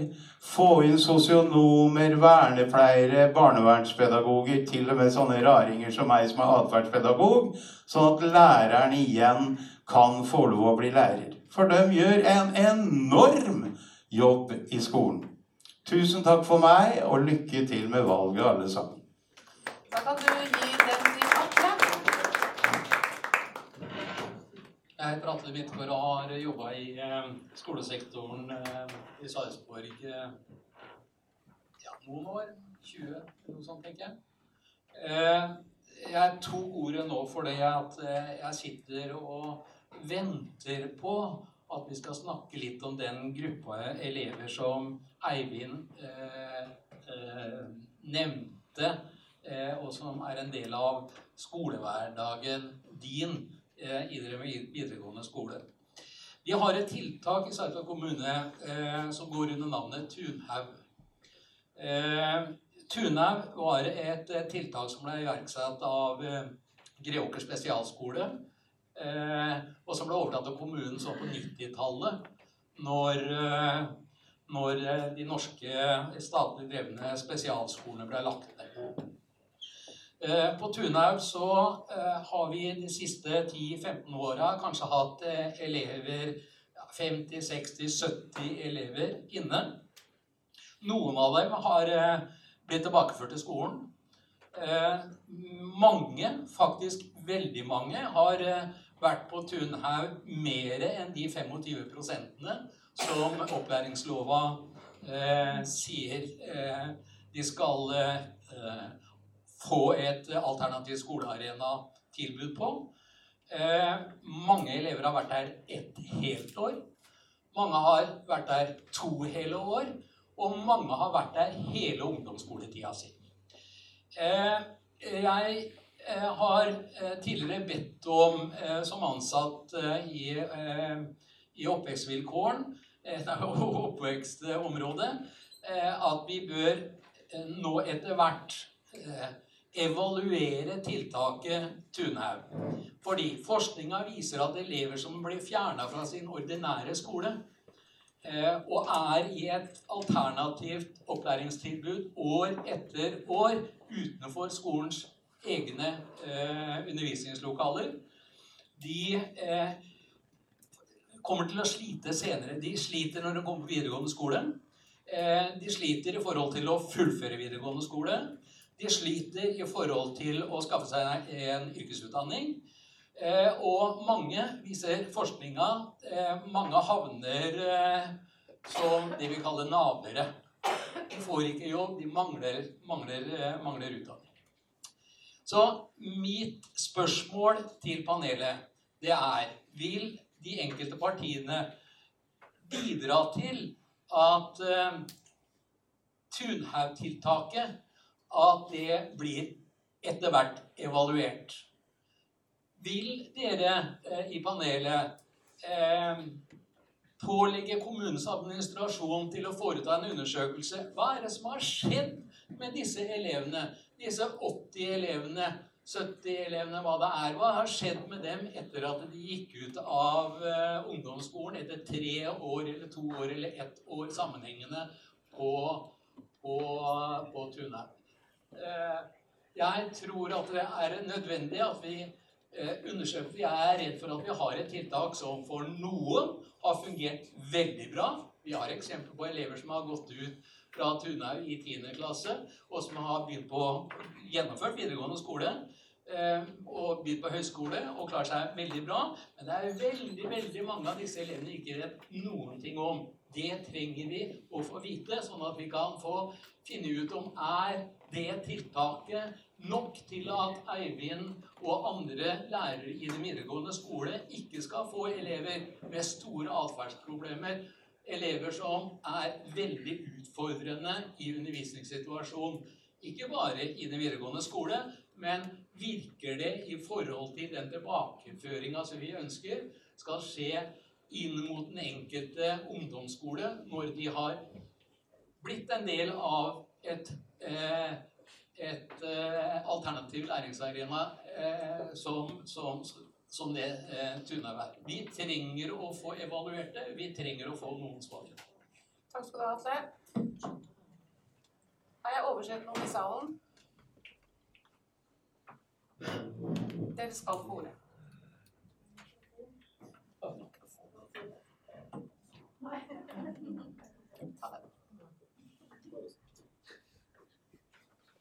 Ja, jeg er gammel lærer.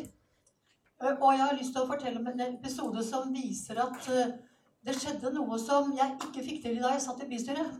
Nemlig å få mer ressurser inn i skolen for å avhjelpe de som hadde trøbbel med elever som hadde det vanskelig. Jeg fikk det første kullet av seksåringer.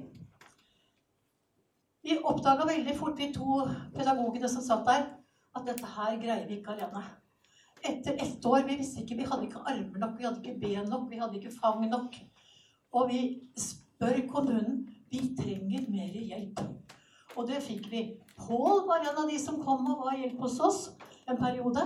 Men det endte med at vi fikk én pedagog til. At det var tre pedagoger pluss én assistent. Eh, og vi klarte å ta hånd om disse barna som sleit så forferdelig. Eh, assistenten og den ene pedagog, pedagogen kunne ta med seg de som var litt dårlig sosialisert, ut på turer. Og det var aldri noen av de andre barna i klassen som spurte hvorfor får de lov. Det var liksom helt greit. Og det var ingen av elevene som hadde fortalt noe hjemme om hva som foregikk i klasserommet, av og til når det var på det varmeste, for å si det sånn. Da gikk jo kommunen inn, hjalp til med penger, med ting. Og alle disse barna som sleit og hadde det kjempevanskelig, de fikk hjelp til å takle livene sine. Og de aller fleste har klart seg. Det var bare én vi vet om. Da gikk det litt dårligere, for vi fikk ikke foreldrene med på laget. Så det er alltid håp om å sette inn mer ressurser for å hjelpe barn som sliter. Takk.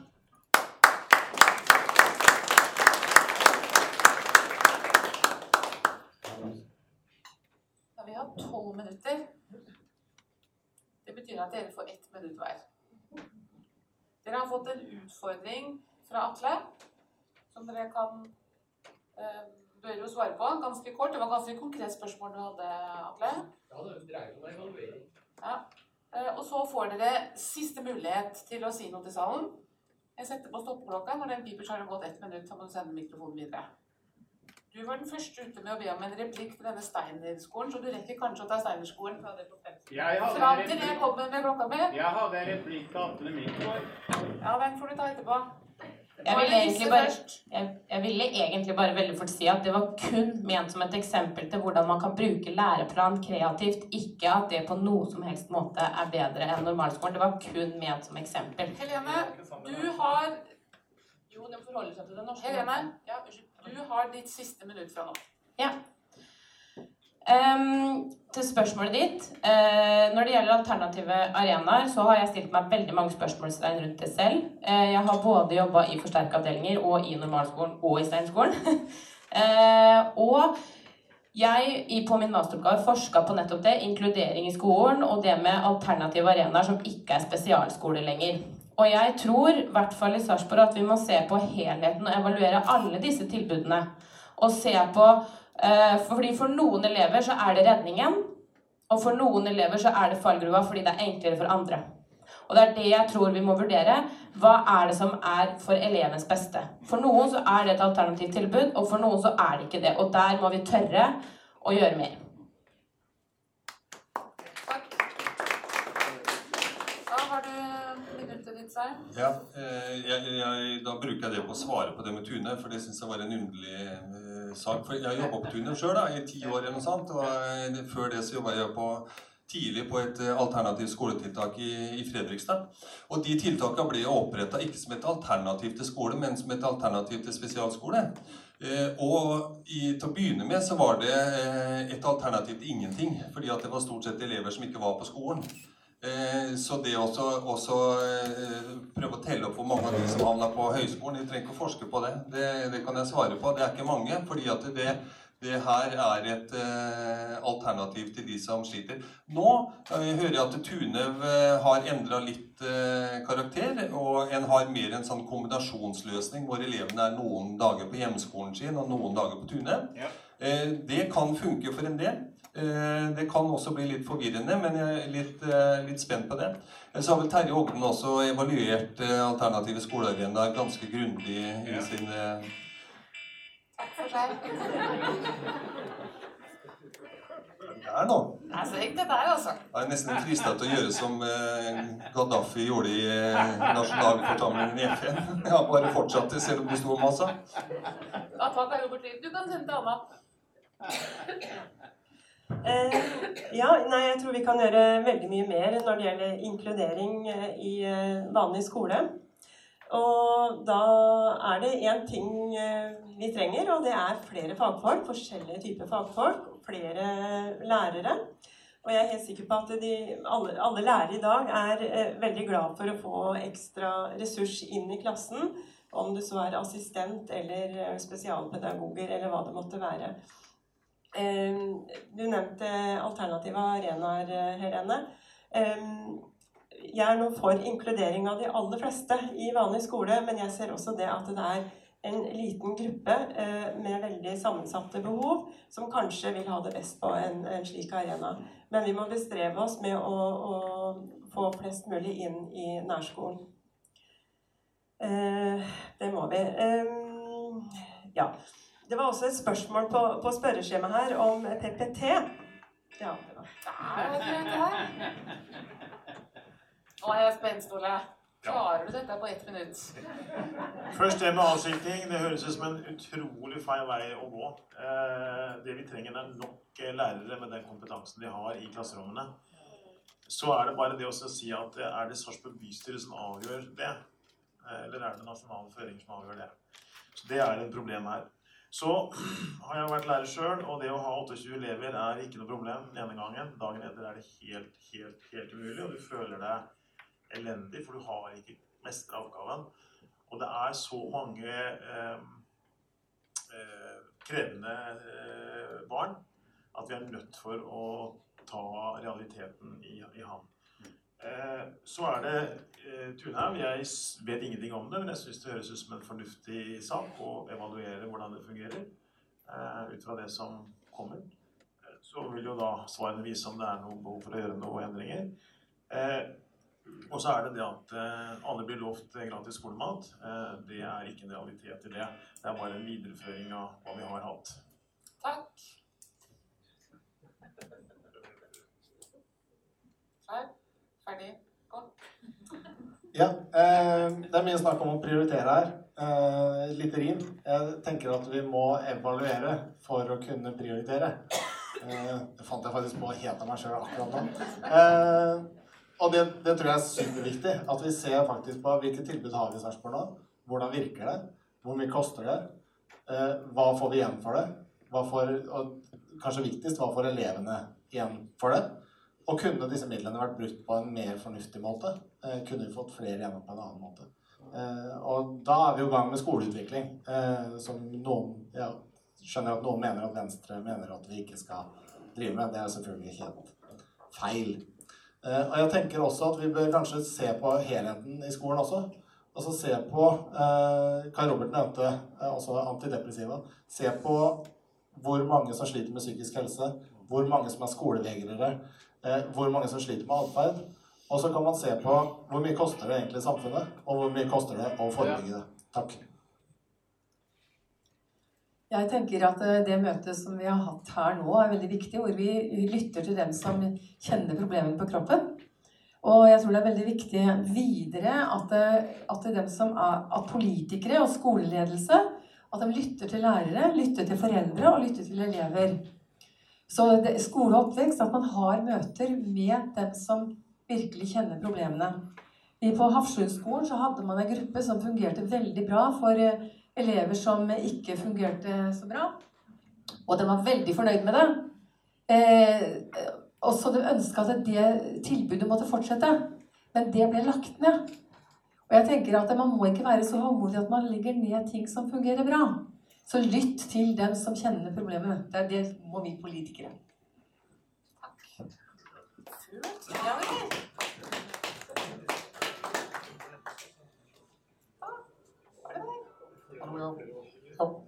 Ja, tilbake til Tunhaug, da. Det som ble sagt her tidligere. Det må jo evalueres, og så får man trekke konklusjoner ut fra resultatet på den evalueringen. Og sånn er det. Når det gjelder skoler, så har jeg, vært, eh, har undervist både i kommunale skoler og denne privatskolen, Children's International, riktignok i Moss. Den gjør jo ting litt forskjellig. Eh, både positive og negative erfaringer. Altså hva virker og hva virker ikke. Jeg tror det kanskje kunne vært eh, fornuftig å ta en kikk på hvordan de private også løser det. da. Det er ikke dermed sagt at det bør være en konkurrent, men altså det er ting som fungerer der som ikke fungerer da i kommunal skole. Det kan være verdt å ta en kikk på. Gjelder den derre poolen som jeg var innom tidligere, vikarpoolen, eh, der har vi også en del erfaringer. De har ikke virka i Fredrikstad kommune, for så det er sagt. Eh, Der står det brått da, med 58 elever og skal ut på ekskursjon, som har vært planlagt i lang tid. Og alternativet er å sende elevene hjem. Sant? Men eh, da må det være lagt opp til skjønn. Så vi dro på ekskursjon, det gikk fint, men det er jo ikke lov, da. i statlige bevilgninger. Tida går fort, altså. Ja. Det har vært snakka mye om både ressurser inn i skolen og om vi har penger til det og sånn. Eh, Jeg tenker Det viktigste er eh, barna oppi her. Det er det jeg vil at vi skal sitte igjen med. Det er eh, at vi jobber for barna. Og de som er ute i skolen der, og som ser det hver dag, den vet hva de trenger. Og det gjelder også Tunhaug. Og kan evaluere det og så se om det fungerer eller ikke. Og høre det fra dem som er der oppe. Og det er veldig viktig det, å høre på de som er eh, på gulvet. Altså nevner jeg igjen tillitsløftet til Senterpartiet. Eh, og det er ikke alltid at kanskje læreren klarer å gjøre det de skal. Men ressursteam fins i kommunen, f.eks. PP-tjeneste. Vi kan få hjelp utenfra også. Må ikke stå alene med det. Men det er bare å bruke det. Det er viktig. De svarer på telefon og mail og alt. Og så er det viktig med psykisk helse. Å forebygge det.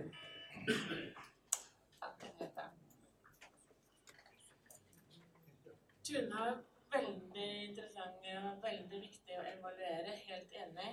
Det er eh, sikkert mye som vi ikke vet som skjer, hva som har skjedd med de elevene. Eh, være bevisst eh, på tegn til psykiske vansker, vold og overgrep, det har faktisk Høyre med i sitt program. Og det er en viktig ting når du hører alle de som sliter. Og egentlig så Samfunnet er jo helt Altså, hva skjer i samfunnet når eh, 12-13-14-åringer sliter og ikke er bra nok?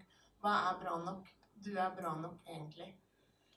Eh, viktig med andre yrkesgrupper i skolen, absolutt. Eh, dessverre så utdannes det jo altfor få helsesøstre. Det er ikke det at det ikke de vil utdanne seg, men det, det er rett og slett eh, ikke åpent for å utdanne nok. Jeg tror det er 20 plasser hvert år, og det er kanskje 200 søkere. Ja, jeg skal være kort. Eh, Rødt er selvfølgelig ikke for eh, avskilting.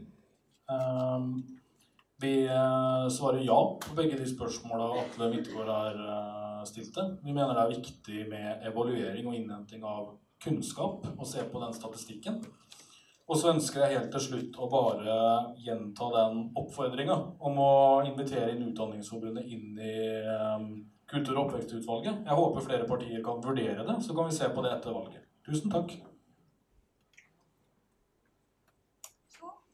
Ja. Eh, Fellesskole versus spesialskole er et veldig vanskelig spørsmål som jeg absolutt syns bør evalueres og diskuteres, men der håper jeg at det kan ses litt bredere på det, eh, og, og se på det som ble gjort overfor de tegnspråklige barna som nå er ute på hver sin skole.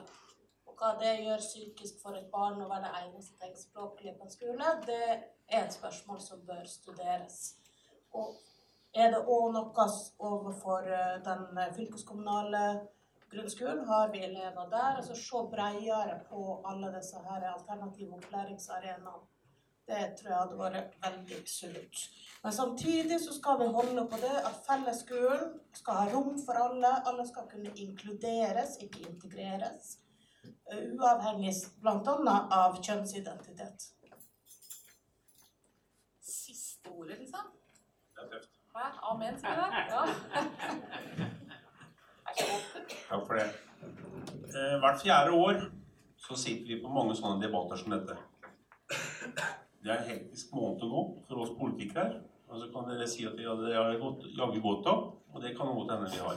Men det er sånn at vi tenker oss om. Hva er det du, hva er det du har gått med på nå igjen, Stein? Det er jo bare problemer. Overalt. Ellers i året, eller ellers i fire åra, så hører vi aldri noe. Med unntak av ett forbund. Der spiser vi frokost. Det er veldig bra. Jeg oppfordrer eh, alle som eh, hører på, at eh, hvert år så har vi politikerne budsjettbehandling. Kontakt partiene en 14 dager, tre uker før budsjettene og si at kan dere ikke prøve å prioritere det?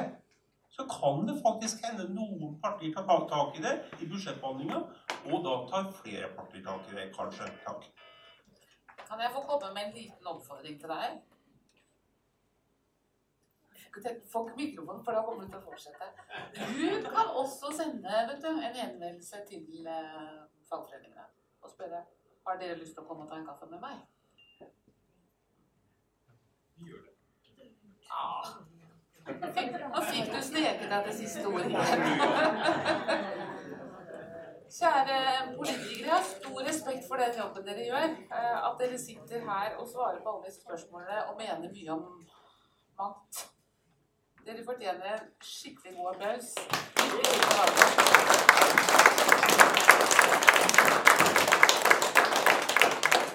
Da var jeg ferdig, tror jeg.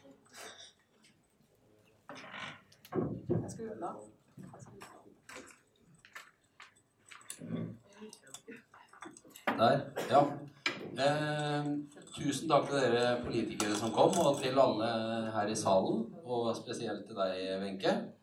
Eh, vi gleder oss til eh, fire nye år eh, og samarbeid med dere politikerne.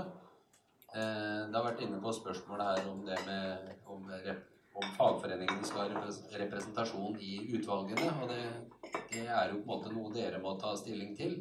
Eh, Vi setter uansett pris på veldig mye dialog med dere politikerne. Og eh, i den siste tiden så har vi hatt eh, faste møter med utvalgsleder Therese Torbjørnsen. Det syns jeg var en veldig god retning på det. Og vi ønsker fortsatt å styrke på en måte trepartssamarbeidet gjennom god dialog med, med dere. Og så er vi der alltid. eh, Og vi sitter på mye fakta og førstehåndskunnskap via våre arbeidsplasstillitsvalgte. Det er egentlig litt rart at ikke du inviterer også ledere i opposisjonen når du har ledermøte med Vår eh, dør er alltid åpen. Så vi starta med en, eh, en prosess med utvalgslederen, og det syns vi var veldig bra at vi ble invitert inn. Og nei, det er ikke det. Vi er åpne for alle sammen. Så det, vi tar gjerne imot både invitasjoner, og vi har invitert andre til, til, til kontoret vårt. Så det vil vi fortsette med.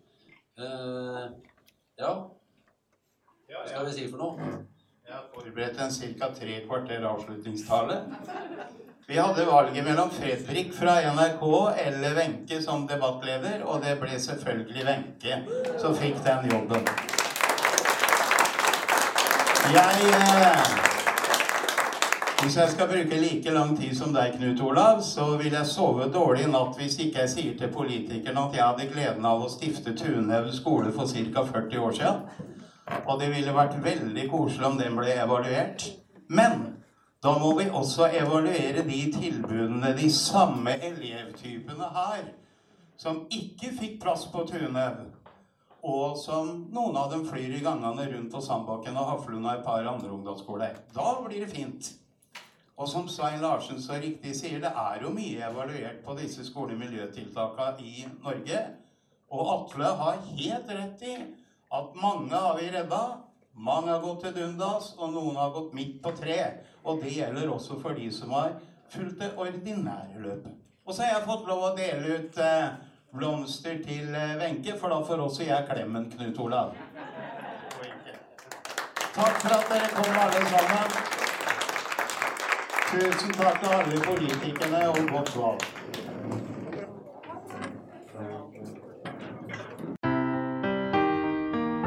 Du lytter til Safosa-podden.